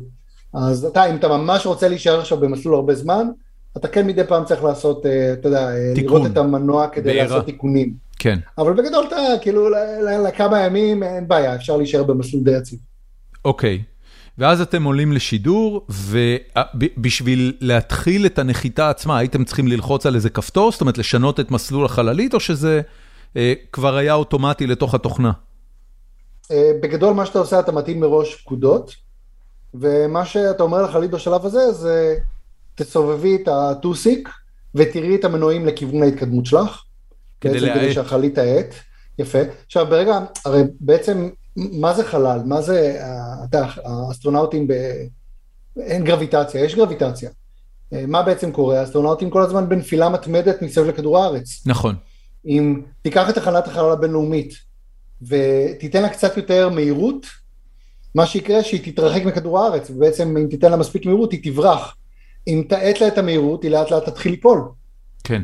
זה המשמעות של להיות במסלול, זה נקודה כן. עדינה כזאת של לא מהיר מדי, לא לאט מדי. כן. עכשיו ברגע שאתה אומר לחללית, תאטי, היא אוטומטית, מה שהיא קורה, היא מתחילה ליפול לכיוון, אה, לכיוון הירח. עכשיו החללית תוכננה מהשלב הזה בגדול להיות די עצמאית. כלומר שהיא לא תצטרך פיקוד מכדור הארץ, אלא להמשיך כל הדרך עד לנחיתה מוצלחת בצורה אוטומטית לגמרי. אה, גם הצוות בגדול, אה, ההנחיה הייתה אלא אם יש בעיה, לא נוגעים בכלום, קוראים טלמטריה, עוקבים, יש את אה, שני החבר'ה בחוץ, את מנכ"ל תעשייה אווירית, מנכ"ל ספייס-אל ומנהל מפעל חלל שבעצם עשו את, ה, את הקריינות בלייב, ופשוט לתת לזה לעבוד עד הנחיתה. הדבר היחידי שכן בוצע בשליחת פקודות לחללית זה מדי פעם תביא לנו תמונות. אוקיי. Okay. זה כן היה צריך לעשות בצורה ידנית. אוקיי. Okay. וכמה זמן הדעיכה הזאת נמשכה עד שמשהו התחיל להשתבש? לא, זה, זה היה כלום, זה היה, כבר לא זוכר, זה היה 20-30 דקות, אני כבר לא זוכר כמה זמן זה היה, אבל זה, זה, לא, זה, זה לא סיפור ארוך. אוקיי. Okay. ברגע שאתה מתחיל ליפול, אתה, אתה מתחיל ליפול. כלומר, החללית בסוף פגע בירח במהירות של אזור ה-3,000 קמ"ש. וואו. סדר גודל, כן. זה, רוב המהירות היית, הייתה אופקית, כלומר... כן, כי היא בסיבוב. זה לא שהיא פוגעת והיא עוצרת, כאילו, והיא לא נופלת מגבוה דוך לרצפה. היא נמרחת. אלא היא באה במעין זווית, כמו שאתה מדמיין פגיעת מטאור בכדור הארץ. כן. ואני אני, אני בכוונה, אתה יודע, אנחנו מתנקזים פה, זה נשמע למשהו שהוא בסופו של דבר ממש עשרות שניות, אבל האם לך היה רגע בתהליך נחיתה הזה של Houston we have a problem? כן, וגם אפשר לראות את זה בווידאו. תוך כדי נחיתה היה את הסיפור... רגע, יש את הוידאו הזה ביוטיוב? יש את ה... דורון, איבדתי אותך? לא, לא, אתה איתי? שומע? אני שומע אותך מעולה. לשנייה. האם יש את זה ביוטיוב איפשהו? כן, יש זה ממש בקטע נחיתה. אפשר לדבר על למה שלחנו את הפקודה ומה קרה, אבל החללית עשתה איזושהי restart, חזרה, ודיווחה, היא כל הזמן דיווחה את המהירות של על הקרקע ואת הגובה, היה לנו אה, אה, מעין laser range finder, זה ארבע קרני לייזר שירו לירח, זה עבד לא רע, והיא כל הזמן דיווחה מהירות וטווח, וגם דיווחה שהמנוע הראשי שהיא מדליקה אותו. ואנחנו רואים את האינדיקציה ב-UI המפואר הזה שנראה כמו Windows XP או Windows 95, אה, ורואים שהחללית מודיעה שהיא מדליקה את המנוע, אבל אתה מסתכל על המהירות, אתה רואה שהמהירות גדלה, לא קטנה, ואתה רואה שהגובה קטן, כלומר הקריאות נראות תקינות, והמנוע לא דולק. ויש איזשהו שלב שאני כזה מסתכל על זה, מסתכל על הגובה, מסתכל על המהירות, ואומר לאסתי שעמדה לידי, שהיא הדוברות אה, תעשייה אווירית, עושה לה כזה סימן של על הצוואר של, אה, תשמעי, אה, נחיתה רכה כבר לא תהיה פה. לא משנה, גם אם הכל באורח פלא מסתדר, והחללית יורה את כל המנועים שלה עכשיו, פול, היא לא תגיע לקרקע במהירות נמוכה. זאת אומרת, וכמה שניות זה לפני ההתרסקות? אה, כמה עשרות שניות. אוקיי, אז אתה כמה עשרות שניות לפני, אתה כבר יודע איך זה הולך להיגמר. היה גם קטע, תשמע, די מהר, החבר'ה בבקרה אמרו, חבר'ה, הגענו לירח, אבל לא, לא כמו שתכננו. וזה היה מעניין לראות, כי חצי שנה אחר כך גם ההודים ניסו פעם ראשונה לנחות על הירח. שם ראש הממשלה מודי לא ישב דחוס באודיטוריום עם uh, כולם מסביבו. הוא ישב על איזה כורסה בכזה חדר מפונפן שצופה למרכז הבקרה, והחללית אצלם uh, הפסיקה לתקשר uh, איזה כמה, כמה שניות לפני הנחיתה, די, די קרוב לנחיתה. והם שעה או חצי שעה כולם, אף אחד לא הוציא מילה מהפה. וואו. כולם ישבו אף אחד לא הוציא מילה מהפה עד שמודי פשוט קם והלך. וואו. והיה ממש מעניין לראות את ההבדל, כן. אוקיי. בישראל ישר אה, ביבי בא ו... יאללה בוא נמוד אחת, מוריס, טסם, אני שם, כמה זמן ייקח לכם לבנות? ואצל אה, פרס, אה, לא, זה היה פרס, כן, הייתה, הייתה מסיבה, זה היה, לא, רובי ריבלין, סליחה, סליחה, זה היה אחרי פרס. רובי ריבלין הייתה מסיבת פיג'מות בבית הנשיא. כן. והם די מהר כאילו התאפסו על עצמם, והיה היה מעניין לראות את ההבדלים בין הודו לישראל במובן הזה. זה נשמע מדהים, אני חייב להגיד. כשחוץ מהתנועה הזאת שעשית לדוברות, תקשרת לעוד מישהו שזה הולך להתרסק? או ש... לא, אבל די מהר גם החבר'ה, גם עידו ועופר שעמדו בחוץ וגם מרכז הבקרה, כאילו ישר... היה, תשמע, כל האירוע הזה, מי שניהל אותו תקשורתית זה מוטי שרף, שרף תקשורת, שדי ליוו את ספייס-אל בכל העשור הזה פרו בונו, ודי בהתחלה... פרו בונו זה בהתנדבות, למי שלא יודע. בהתנדבות, בדיוק. ודי בהתחלה באנו למוטי, הייתה שלושה מהנדסים צעירים, ובאחת השיחות הראשונות אמרנו לו, תשמע מוטי, מה יהיה אם החללית תתרסק? זה יהיה קטסטרופה. והוא אמר, תשמעו, מוטי הוא מומחה לניהול משברים. הוא אמר, תשמעו, זה יהיה מדהים. על מה אתה מדבר? מה מדהים? הוא אומר, תשמעו, מדינת ישראל תחזיק לכם ידיים בזמן שתבנו עוד חללית, זה יהפוך לדרמה מטורפת. אז זה לא מה שתכננו, וזה גם לא, בוא, זה לא דרמה מטורפת, זה בגדול באסה מטורפת, אבל וואלה, היה הרבה יותר קל לגייס את ה-100 מיליון דולר הבאים. גייסתם אותם כבר? 90 אחוז מהסכום כבר גויס, כן. וואו. מה אתה אומר? תשמע, מוריס בהתחלה אמר, אני בקטע. נכון. ואז אמר, עזבו אותי באמא שלכם, ויותר מזה, הוא אמר לצוות שלו, אם אני בטעות הולך לדבר על חלליות, תורידו עליי כיסא, כאילו, ת, ת, תחזיקו אותי, תנעלו אותי בחדר, ובסוף הוא אמר, יאללה, אני הולך על זה, וזה היה מדהים. ברגע שהוא אמר, אני בפנים, כל שאר התורמים שאתה, דיברנו איתם, חשבו והכל אמרו, אנחנו, אנחנו, אנחנו בפנים. אז... מוריס בפנים, גם אנחנו. מוריס אה, הוא התורם... מוריס קאן. מוריס כן. קאן, כמובן. הוא התורם הגדול ביותר של ה-100 מיליון דולר הראשונים? אה, הוא התורם הגדול ביותר של שתי החלליות ביחד. אוקיי. עוד מותר להגיד. כמה הוא תרם סך הכל? אני לא חושב שפורסם כמה הוא תרם, אוקיי. אבל תשמע, זה...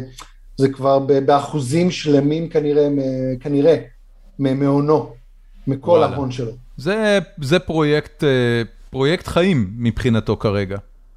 זה פרויקט שהוא, תשמע, גם אחרי ההתרסקות, עזוב, אני, אני מגדיר את זה, אה, פעם ראש, ראשונה שישראל הלכה לאולימפיאדה וחזרנו עם מדליית כסף. כלומר, כשאתה רואה את האימפקט שזה עשה, אה, תשמע, ילדים, גרמנו לרוב הילדים במדינת ישראל לבכות באותו ערב. זה באמת היה מאוד מרגש. ילדים שלחו לנו את דמי הכיס שלהם, שנבנה עוד חללית. וואו, אוקיי. אתה מסתכל על האימפקט ואתה אומר, בואנה, האימפקט הזה הוא אמיתי. הוא, כלומר, זה, יש פה, זה, אתה יכול לקרוא לזה משימת שיווק ל, ללימוד מדעים. אני פשוט קורא לזה השראה, והשראה זה דבר חשוב מאין כמותו. ואני אני מכיר מאבא שלי, אבא שלי אה, היה ילד ב... אה, ילד וטינג'ר, זאת אומרת, מה שמכונה באנגלית formative years, השנ... השנים שבהם האופי שלו התעצב, היו השנים של תוכנית החלל האמריקאית, והוא כן, אגר את המגזין של Time Life לאורך כל השנים של תוכנית החלל האמריקאית, ויש היום סדרות טלוויזיה שכבר מראות על מערכת היחסים בין Time Life לבין נאסא, בתכלס. המגזינים האלה מימנו חלק מתוכנית החלל האמריקאית, בגלל ש... זה לא הכרתי. הם שילמו. יש, יש סדרה שאני לא זוכר כרגע את שמה, The Right Stuff, מה אני אומר? כן. הסדרה The Right Stuff מראה ש-Time Life התלבשו על הדבר הזה, הם הבינו שתמונות בלעדיות של תוכנית החלל האמריקאית, האסטרונאוטים, הרקטות, כל תהליך השיגור וכולי, אה, הולך להיות בוננזה לא נורמלית של מכירת מגזינים, והם שילמו הרבה כסף, up front, לנאסא ולאסטרונאוטים עצמם, זה האקזיט של האסטרונאוטים, ככה הם עשו את הכסף שלהם, כי זה לא הגיע מהמשכורת הממשלתית. זה כן? הגיע מזה שהם מכרו את הזכויות על החיים שלהם ל Time Life, ו Time Life מכרו מגזינים במיליונים בעקבות הדבר הזה. וואלה, לא הכרתי, מגניב. דווקא יש לי, תשמע, יש לי ספר על The Marketing of the Apollo Program. או, נו זה. קנה לי פעם. There you go. אז... אז אבל הם מדברים יותר על נאסא ומה נאסא עשתה ותוכניות ה-education שלהם ודברים כאלה. הבנתי, אוקיי. לך תראה The Right Stuff, זה מראה לך בדיוק איך זרם הכסף וממי למי. וכמה זה היה אפקטיבי בלייצר את ההייפ הזה. תקשיב, זה כאילו, גם, אתה יודע, אנחנו כן. היום חיים בתקופה שאין דבר כזה בלעדיות.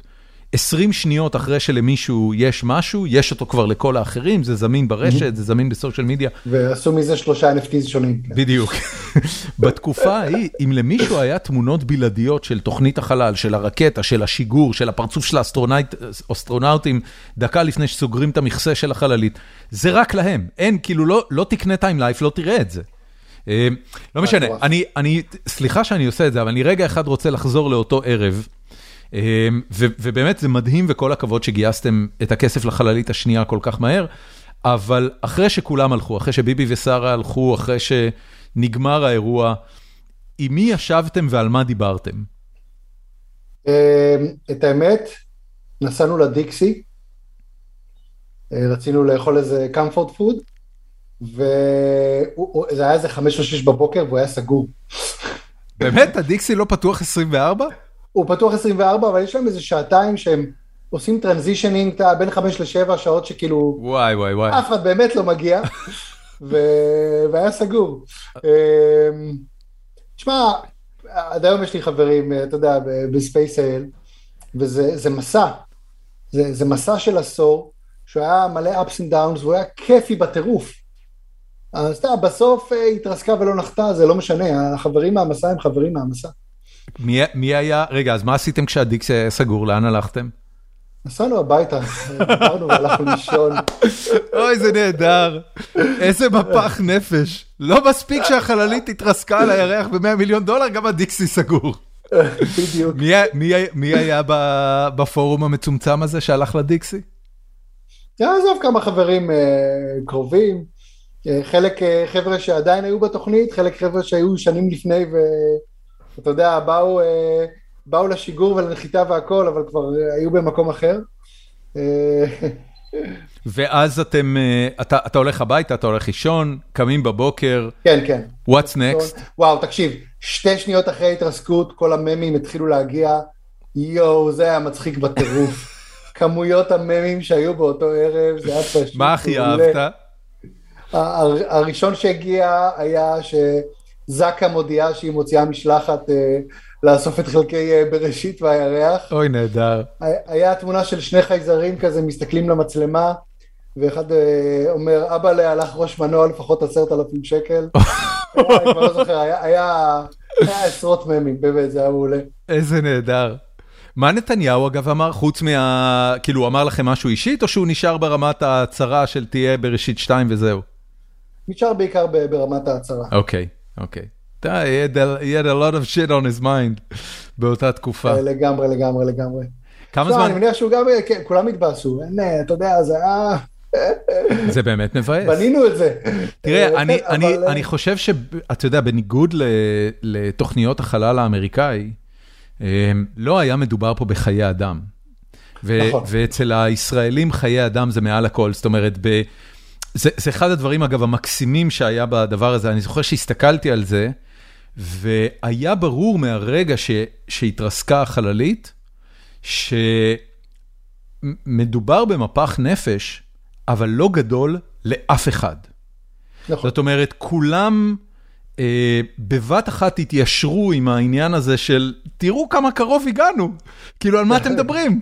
תראו כמה, זה ניצחון משוגע, על מה, כאילו, זה לא... והעובדה שלא היו חיי אדם, תודה לאל, מעורבים בסיפור הזה, אז גם מקלים נורא את העניין, וזהו, וממשיכים לפרויקט הבא, הוא gives a shit. אמ, לגמרי, לגמרי. תשמע, זה חלק מהאופי הישראלי. נכון, נכון, נכון, זה נורא ישראלי. זה נורא נורא ישראלי, וזה בעיניי נורא יפה. ההתמודדות עם כישלון מהבחינה הזאת, כשלא מדובר בחיי אדם, אה, היא נהדרת. היא נהדרת ממש. אה, כן.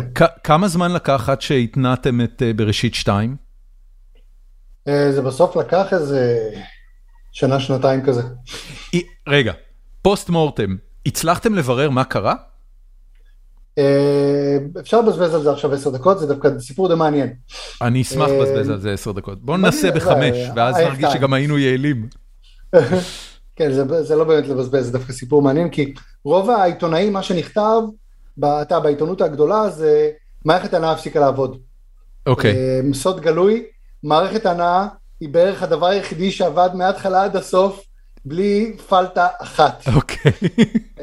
זה, שזה סיפור מעניין בפני עצמו, באנו למפעל מל"ם, okay. של אוקיי. תעשייה אווירית, שזה לא מפעל, מפעל מבט עושה את הלוויינים, מל"ם אחראי על מערכות הנעה. אמרנו להם, תשמעו, אנחנו צריכים מערכת הנעה בי פרופלנט. זה מערכת הנעה שיש בה שני חומרים שאתה מערבב אותם וזה מה שמייצר את, ה... את, את, את הפוף קדימה. וזה מערכת שעד אז לא נבנתה בארץ. הלוויינים שכן נבנתה להם מערכת הנעה בארץ, זה, זה מערכת הנעה עם מונופרופולנט, בעצם רק דלק אחד ומציתים אותו, לא משנה, ו, וזה מה שמייצר את האנרגיה לדחיפת החללית, את הדחף.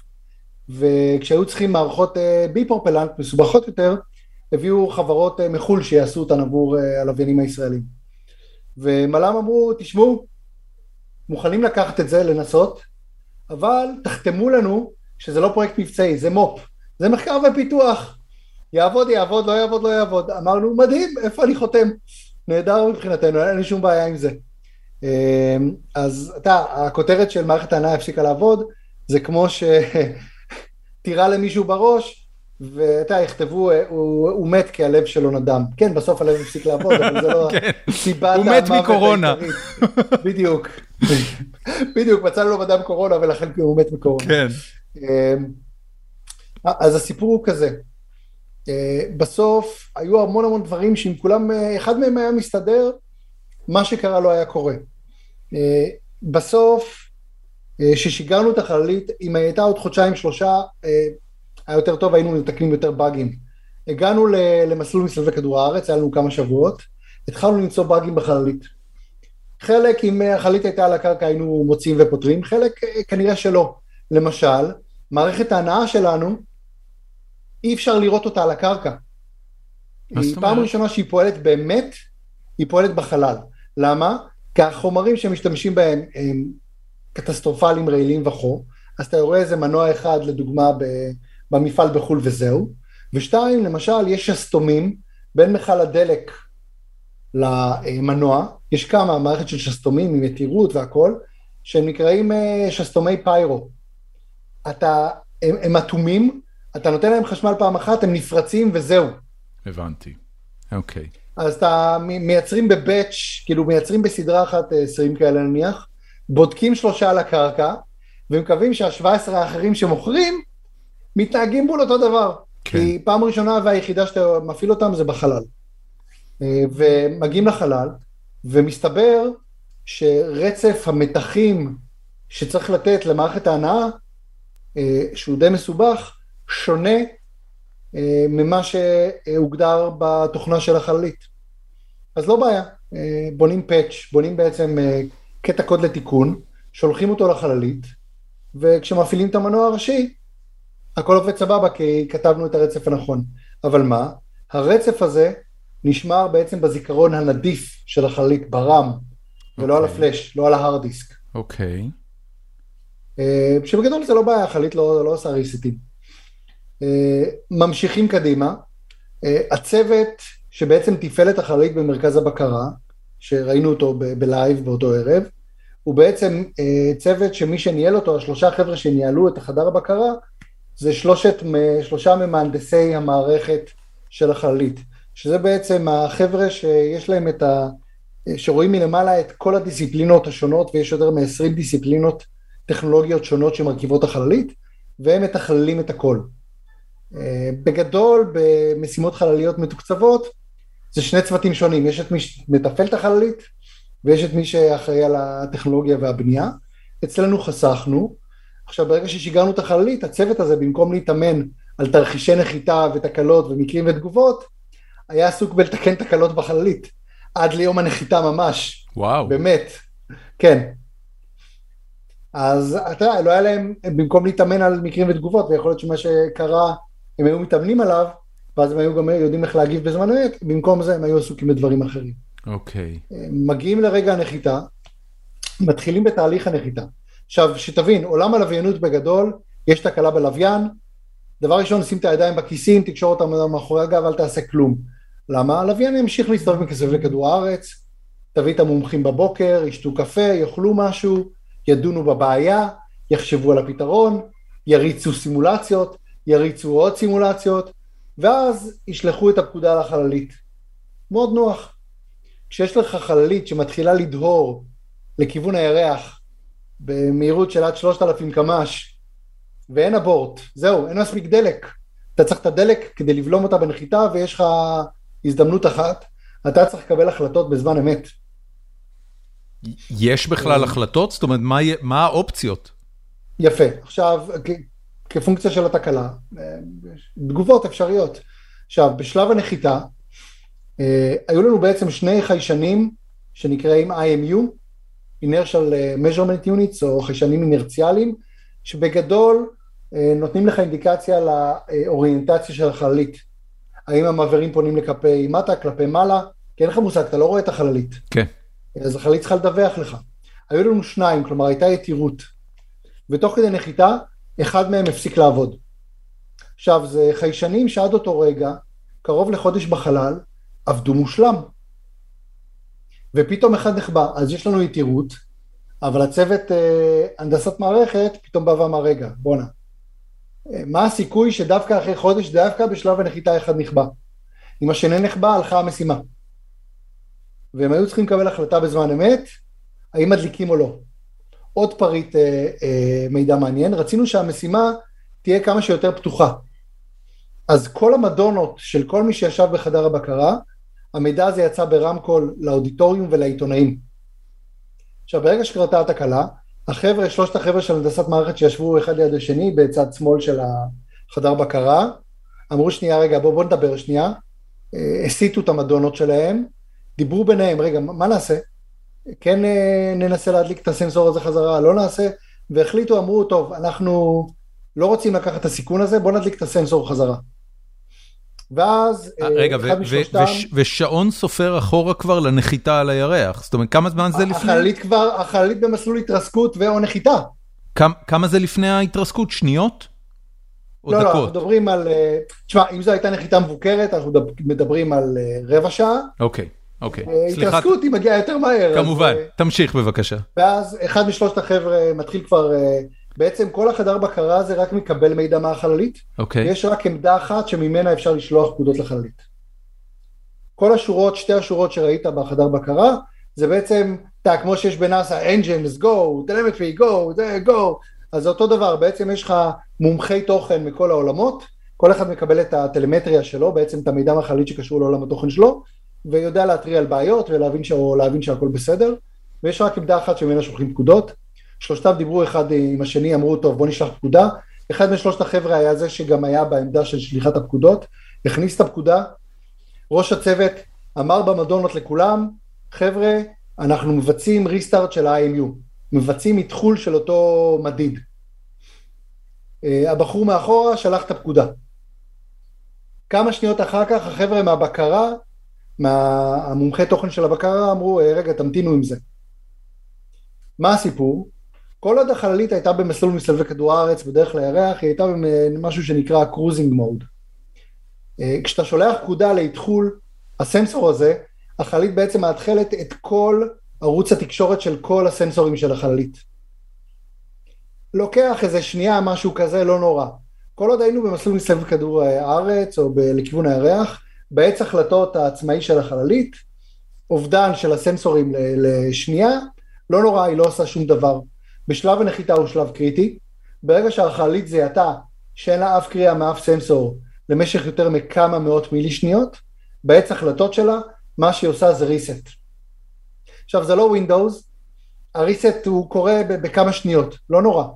והיא חזרה לתקשר עם כדור הארץ, הכל טוב ויפה, אבל כל התקלות, כל ה patchים שנשמרו בזיכרון הנדיף נמחקו. כולל אותו patch שבעצם נתן את רצף ההדלקה הנכון של המנוע הראשי. oh my god. Oh אז בעצם החללית המשיכה לשלוח פיקוד למנוע הראשי, ואמרה לנו, אתה, שלחה פיקוד לכדור הארץ אה, טלמטריה של אני מדליקה מנוע ראשי, המנוע הזה לא נדלק. אוקיי. Okay. זה, זה בדיעבד החלטה שגויה? זאת אומרת, פשוט נעשתה שם טעות, או שאתה אומר, זה לא היה יכול לצאת אחרת? אה, אני אומר, אם ההחלטה הזאת לא הייתה נעשית, אז או שהיינו נוחתים או שהיינו מתרסקים, כי ה-MU השני היה נכבה בגלל סיבה שאנחנו לא מכירים, באק בדיזיין או משהו אחר, או בגלל בכלל תקלה אחרת. בסוף הם קיבלו את ההחלטה הכי טובה בתנאים שהיו להם, ואין, אף אחד לא כעס עליהם אחר כך. ברור. אין, אין פה, זה, זה, אה, אתה, אם היינו, לא היינו שמים את המדונות של כולם כלפי חוץ, אז יכול להיות שהם היו מתייעצים עם כולם בחדר בקרה. אם uh, היה לנו עוד חודשיים על הקרקע, אז היו כותבים את הפונקציה ששומרת את הפאצ'ים, את התיקוני uh, תוכנה, כן. על הפלאש, על הזיכרון הלא נדיף. אה, אם לא היו המון תקלות, או אם זה היה צוות אחר, הוא היה מתאמן בסימולציה במשך חודש, וכנראה היה גם עובר על תרחיש של כיבוי הסנסור הזה, ומה כדאי או לא כדאי לעשות. כן. וואו, oh my god. כאמור, זה כל כך nerdy. קרן שעברה דרך כל החורים בשכבות של הגבינה השוויצרית. ממש ככה. כל חושיי הגיקיים, אה, אה, כל שערותיי הגיקיות צמורות כרגע. תגיד לי, אמ, טוב, מה לגבי בראשית 2? איפה אתם עומדים בתהליך?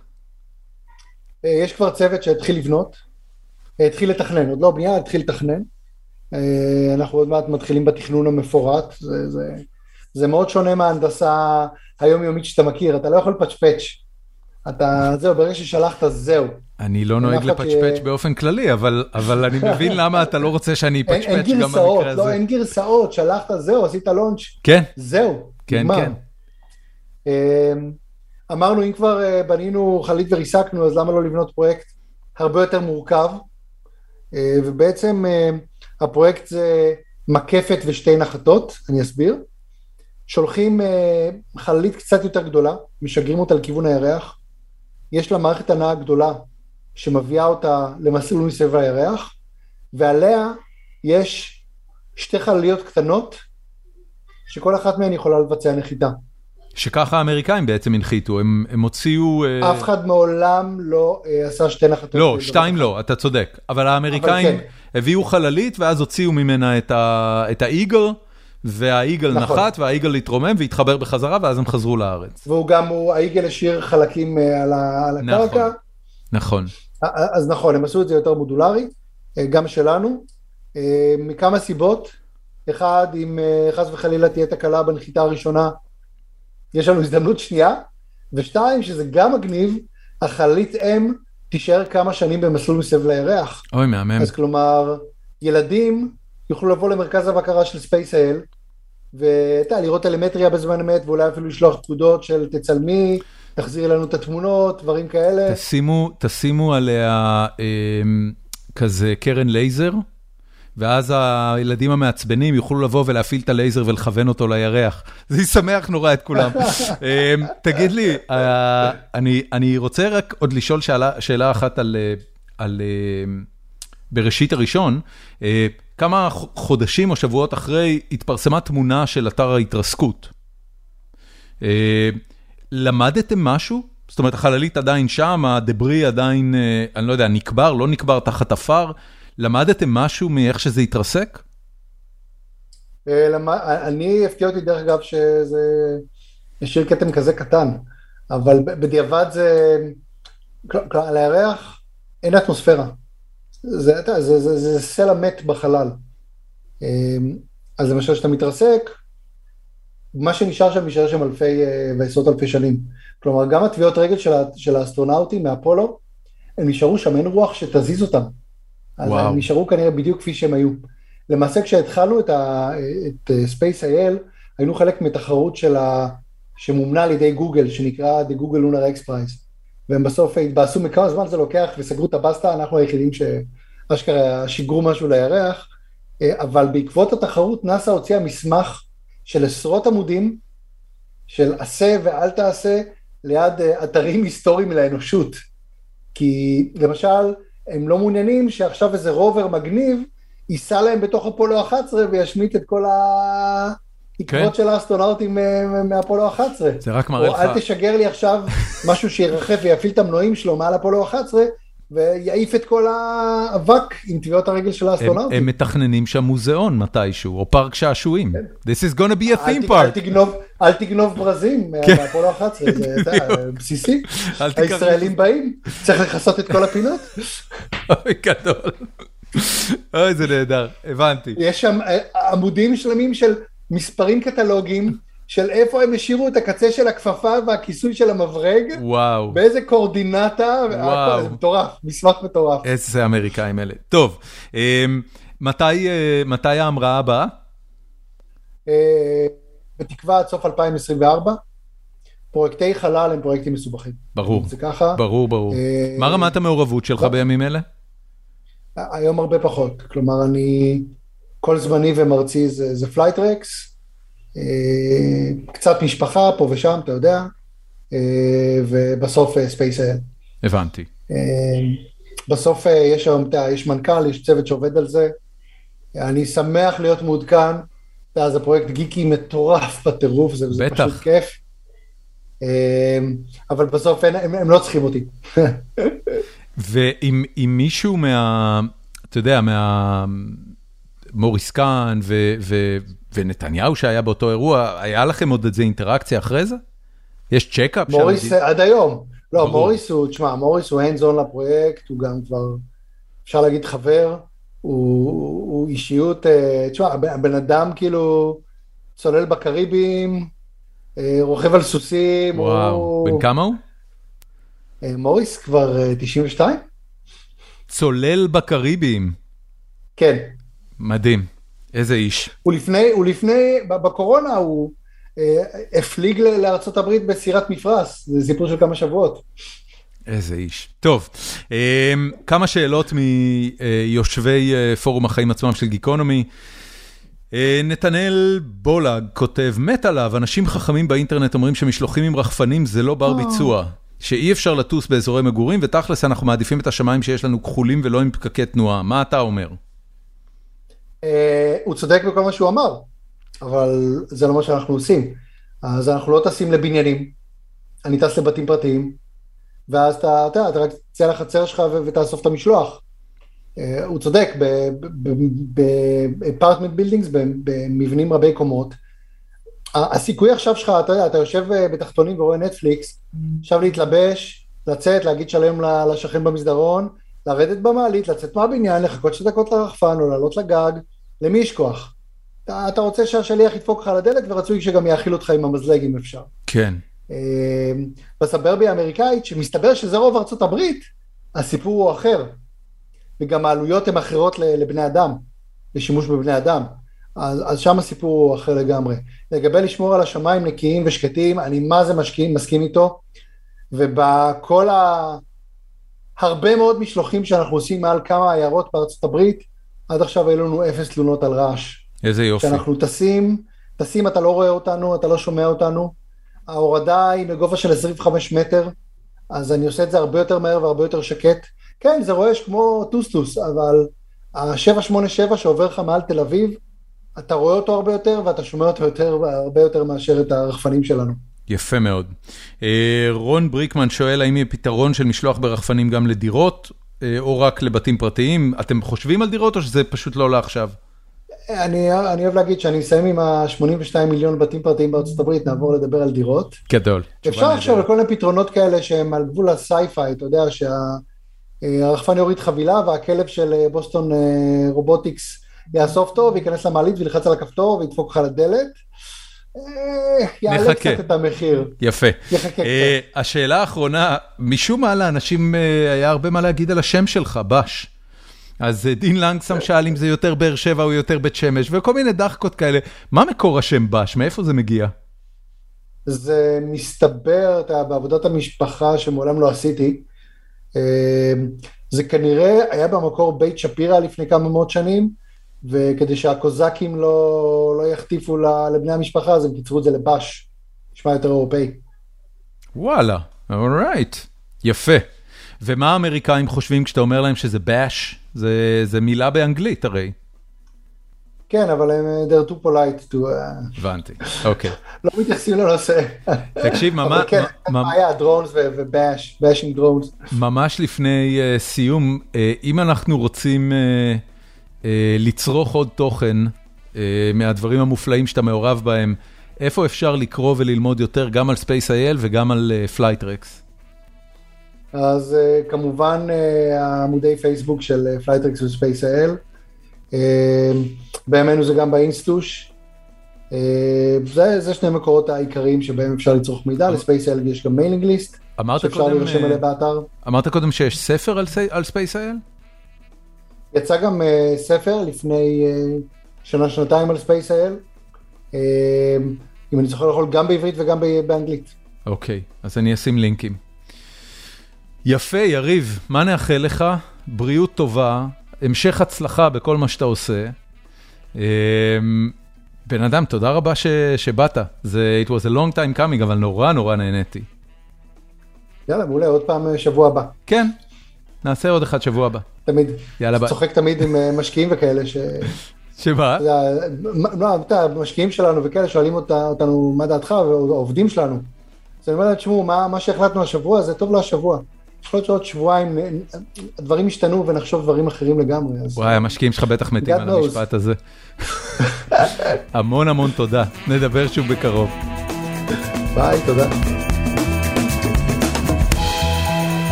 עד כאן הפרק. אה, מקווה שנהניתם, אני כל כך נהניתי לדבר עם יריב. פשוט לא דיברתי איתו שנים ושכחתי איזה בן אדם מקסים הוא וכמה בקלות אפשר לדבר איתו על כל דבר. אה, כי הגישה שלו היא מאוד אה, פתוחה ואנליטית ורציונלית, פחות או יותר לכל דבר שהוא עובר. אני לא חושב שאי פעם יצא לי לשאול בן אדם נכה על הנכות שלו בצורה כזו, ו- ונראה לי שאני צריך לעשות את זה קצת יותר לעומק, רק בגלל ש... אתם יודעים, מההיתקלות עם נכים, אתה בתור בן אדם בריא, אה, כשאתה פוגש בן אדם נכה, קודם כל לא נעים לשאול, כי אתה לא רוצה להציף את העובדה שהוא נכה, ואולי הוא עלול להיעלב מזה, או, או פה או שם. והתוצאה של הדבר הזה, זה שרוב האנשים לא יודעים כמעט כלום על חיים של נכים, איך הם מתמודדים עם זה ומה המשמעויות של זה עבורם, ו, ומה העלויות של זה עבורם, והאם הם כן מסתדרים עם זה, לא מסתדרים עם זה, אנחנו לא באמת יודעים על זה הרבה, רק בגלל שלא נעים לשאול. ויריב מהבחינה הזאת, הוא נכה פנטסטי, הוא uh, uh, פתוח והוא מתקשר והוא מדבר על זה בהומור ובשוויון נפש גמור, ו, ואין שום דבר באינטראקציה איתו שגורם לך לחשוב שהוא, uh, um, שהוא עלול להיעלב מזה שאתה תשאל, להפך, הוא שש לספר. מדהים ממש. טוב, um, לבן שלי היה בר מצווה בסוף השבוע האחרון. ולזה אני הולך להקדיש את חפירתי השבועית. אמ, ואני בעיקר אה, רוצה לספר לכם על התהליך, כי אני חושב שזו הייתה חוויה מאוד מעניינת ולא אופיינית. אמ, וזה מתחיל בערך לפני קצת יותר מחצי שנה, בערך אה, חודש אחרי שעברנו לבית החדש שלנו פה בצפון אה, אוסטין, בסידר פארק. וידעתי שזאת שנת הבר מצווה של יונתן הבן שלי, שלנו, שלי ושל שלי, ו, אמ, ולא ידעתי מה נעשה לגבי בר מצווה. אמ, קצת שיחות עם חברים אה, ישראלים שגרים באזור, הביאו לזה שכמעט אף אחד לא עשה משהו סביב הבר מצווה. אה, או שהם ויתרו על זה לגמרי, או שזה לא באמת עניין אותם, היה יותר מדי מאבק עם הילד, לא רצו לריב עם הילד. באופן כללי, ילדים זה לא עניין אותם. ו, ואני לא רציתי שזה יהיה ככה. אני זוכר את הבר מצווה שלי בתור חוויה די משמעותית, ובוודאי כזו שאני היום אה, מסתכל עליה בחיבה. למרות שההפטרה שלי הייתה די מזעזעת. אה, אני לא אכנס לזה, אבל הפסוקים שם מדברים על מה צריך לעשות אה, העם שכובש את ארץ ישראל, אם הוא נתקל במישהו שלא רוצה להיכבש על ידו, וזה פחות או יותר מדריך לכיבוש ורצח עם. אם, אם אם זה יעניין מישהו, אז אני אצרף את ה, את הטקסט בפורום החיים עצמם של גיקונומי. בכל מקרה, התחלתי להסתכל על בתי כנסת פה באזור באוסטין, אה, כדי לראות איפה אנחנו יכולים לעשות את הבר מצווה. והיו, אה, לדעתי, שני בתי כנסת אורתודוקסים שראיתי, ועוד אחד שהוא קונסרבטיבי ועוד אחד שהוא רפורמי, ועוד כמה קהילות הרבה יותר קטנות ש... שפחות נראו רלוונטיות. אה, ו... היה לי וטו מוחלט מאשתי על כל דבר שהוא מדיר נשים. זאת אומרת, זה לא יכול להיות, אה, אנחנו לא נעשה בר מצווה לילד אה, במקום שבו אימא שלו צריכה לעמוד על מרפסת אה, או באיזה כוך נסתר ולא יכולה להיות נוכחת באירוע. אז השאיר פחות או יותר את, ה, את הבית כנסת הרפורמי פה, קהילת בית שלום. ו, ופניתי אליהם, והם היו נורא נחמדים ומסבירי פנים, וצריך להגיד מראש שבתי כנסת בארצות הברית, אה, אין להם מימון ציבורי. זאת אומרת, המדינה לא מממנת כלום, אם, אם מישהו רוצה שיהיה לו בית כנסת ללכת אליו בחגים, אז כדאי שישלם. וזה עולה כהוגן, הדמי מנוי הסטנדרטיים, שכמובן הם לא חובה, זאת אומרת, הבית כנסת אומר לך מראש, זו תרומה ואתה מוזמן לתרום אותה, אבל, אבל זה לא חובה, זה משהו באזור ה-2,000-2,500 דולר בשנה. ו, וניסיתי להבין קצת איזה מין, איך, איך תיראה בר מצווה אצלהם, והם תיארו לי קצת את התהליך. וזה היה נורא נחמד, זה נשמע נורא נחמד. אז הצטרפנו לבית כנסת והתחלנו אה, לפני חצי שנה בלבוא לתפילות יום שישי ולראות איך זה, איך זה מרגיש. ובתור מישהו שכל מה שהוא הכיר בחיים שלו עד היום היה בית כנסת אה, אורתודוקסי, זאת חוויה נורא סימפטית. נורא נורא סימפטית, נורא מכילה, נורא מחבקת. אה, אף אחד לא מצקצק עליך, אף אחד לא דופק על הספר תורה כדי שיהיו בשקט אם במקרה מישהו מדבר. כולם נורא נחמדים אחד לשני, כולם באים רק כי נחמד להם להיות ביחד. והתחושה, לא, לא סגפנית, אבל, אבל כאילו אה, אקסקלוסיבית, שמאפיינת אה, בתי כנסת ישראלים שהייתי בהם, פשוט לא הייתה קיימת שם. אה, באנו לשם, אני ושלי והילדים, וישבנו כולנו ביחד, ושרנו ביחד, והתפילות הן חצי באנגלית, חצי בעברית, זאת אומרת, זה מתורגם, ולוקח קצת זמן להכיר את הלחנים, כי זה לא הלחנים שאני מכיר מבית כנסת אה, אה, אורתודוקסי בארץ, אבל באופן כללי זאת הייתה חוויה ממש טובה. וזה עדיין היה מאבק עם יונתן, עדיין הייתי צריך לשכנע אותו שהוא צריך לעשות את הדבר הזה, או לכל הפחות לנסות את הדבר הזה. אבל uh, בבית הכנסת הרפורמי הזה, ולדעתי באופן כללי בבתי כנסת רפורמיים, העניין של בר מצווה, זה לא הבום טראח uh, וגמרנו של, שאני זכרתי מהבר מצווה שלי. הבר מצווה שלי, באנו יום שבת לבית הכנסת, uh, התפילה כולה מתנהלת בלי קשר לבר מצווה. ואז מגיע החלק של העלייה לתורה. אני, אה, בפרשת השבוע שלי, הקראתי את השביעי ואת ההפטרה. ו... ו... וחוץ ממה שהקראתי, לא היה לי שום תפקיד בעסק. בבית כנסת הרפורמי, החתן הבר מצווה, או במקרה הזה חתני הבר מצווה, כי יונתן עשה עם עוד ילד, אה, הם אלה שמובילים את כל התפילה. הם עושים את תפילת 18, הם עושים את כל השירים וה, והתפילות שלפני העלייה לתורה, ואז הם מובילים את כל העלייה לתורה, בין שניהם הם יתחלקו בפרשת השבוע, או מה שקוראים מפרשת השבוע, כי בבית כנסת הרפורמי לא קוראים את כל אה, פרשת השבוע. ובעליות לתורה, אז את הברכות, אה, עלו ההורים שלי, אה, גם אבא שלי וגם אמא שלי, ו... תקשיבו, אני, אני, קשה לי לתאר לכם כמה הדבר הזה הוא מקסים. למי, ש, למי שמכיר בארץ רק בתי כנסת אורתודוקסים, אז העניין הזה שכל המשפחה יכולה לשבת ביחד ושכולם שרים ביחד, הוא, הוא Game Changer מוחלט. ואני לא מבין, מאז, זה מה שאני חושב עליו, מאז הבר מצווה, אני לא מצליח להבין איך היהדות, לא, האורתודוקסית, זאת, ש, זאת ששולטת ב, ב, ב, ב, בלא יודע כמה אלפי בתי כנסת בישראל, הרבנות הראשית וכל הממסד האורתודוקסי שהמדינה מממנת, אני לא מצליח להבין איך הם לא עברו כבר למודל שבו הגברים והנשים יושבים ביחד. אני, אני לא קונה את ה... את ה... זה ככה בהלכה וכל ה... אני, אני לא קונה את זה. גברים ונשים נמצאים ביחד בהרבה מאוד מקומות, אמ, ואני אני, בחתונות מסורתיות, גברים ונשים אה, רוקדים ביחד. מה הסיפור הזה? צריך כאילו כבר מישהו שלא יודע, חסרים פוסקים, חסרים אה, אנשים אינטליגנטים שיבואו ויגידו, enough with this shit, ובואו uh, נחבר את המשפחה כבר ביחד, שיוכלו כולם לשבת ביחד. זהו, זה, זה, אני לא אדם מעמיד, מאמין, אבל אני כן רואה בעצמי יהודי תרבותי, על מלא. זאת אומרת, יהדות זה התרבות שלי, אני נורא אוהב את הטקסטים, אה, אני נורא אוהב את, ה, את, ה, את הסיפורי אה, תורה ותנ"ך בתור אה, בסיס תרבותי שעליו חברה יכולה לצמוח. אני חושב שהיהדות בתקופה מסוימת בהיסטוריה הייתה חדשנית ופורצת דרך בממד הסוציאלי ובממד של איך לבנות חברה מתוקנת. ולמעשה רוב התרבויות שבאו אחרי זה, גם נצרות, גם אסלאם, שאבו הרבה מאוד משם. וזה נורא מבאס שבארץ, דווקא,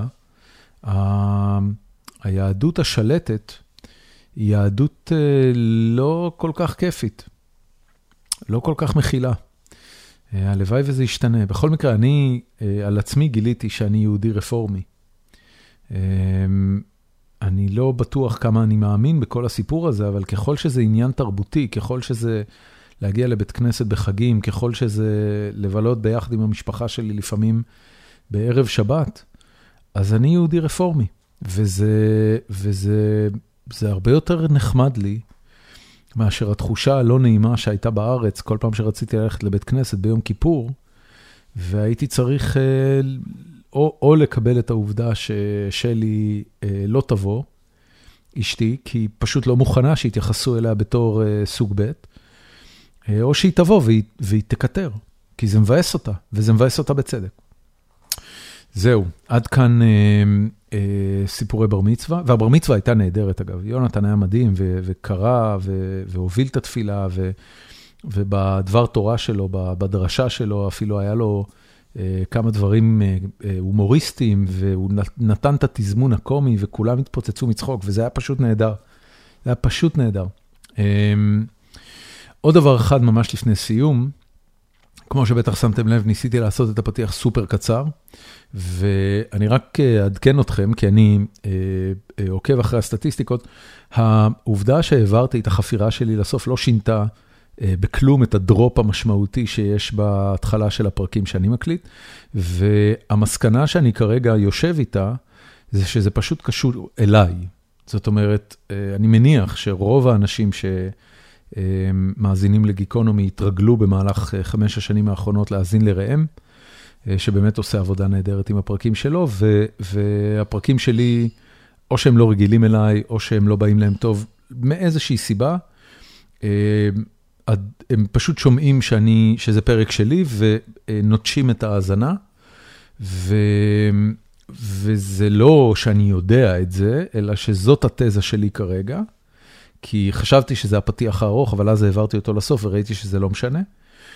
ואני רוצה לבקש ממי שבכל זאת הגיע עד לפה, אמ, אם אתם יודעים שאנשים אחרים שמאזינים לגיקונומי נוטשים את הפרק, אה, בגלל שזה אני, אז שיעשו לי טובה ופשוט ישלחו לי הודעה על זה במסנג'ר, רק כדי שאני אפתור את התעלומה הזאת. אמ, וזה בסדר אגב, זאת אומרת, אין לי, אתה יודע, אתם יודעים, זה, זה, אמ, זה סופר לגיטימי אה, וראם הוא אה, מנחה מעולה, וכל הכבוד לו, ותמשיכו להאזין לו והכל טוב. ואם זה משהו אחר, אז, אז אני פשוט אשמח לדעת. אבל זה לא הגיוני שאני אומר את זה בסוף הפרק, כי האנשים שנטשו את הפרק בתחילתו כבר נטשו את הפרק בהתחלה, אז יש לי כאן פרדוקס קטן, אולי אני אכתוב את זה בפורום החיים של גיקונומי. בכל מקרה, תודה רבה שהאזנתם, נתראה בפרק הבא.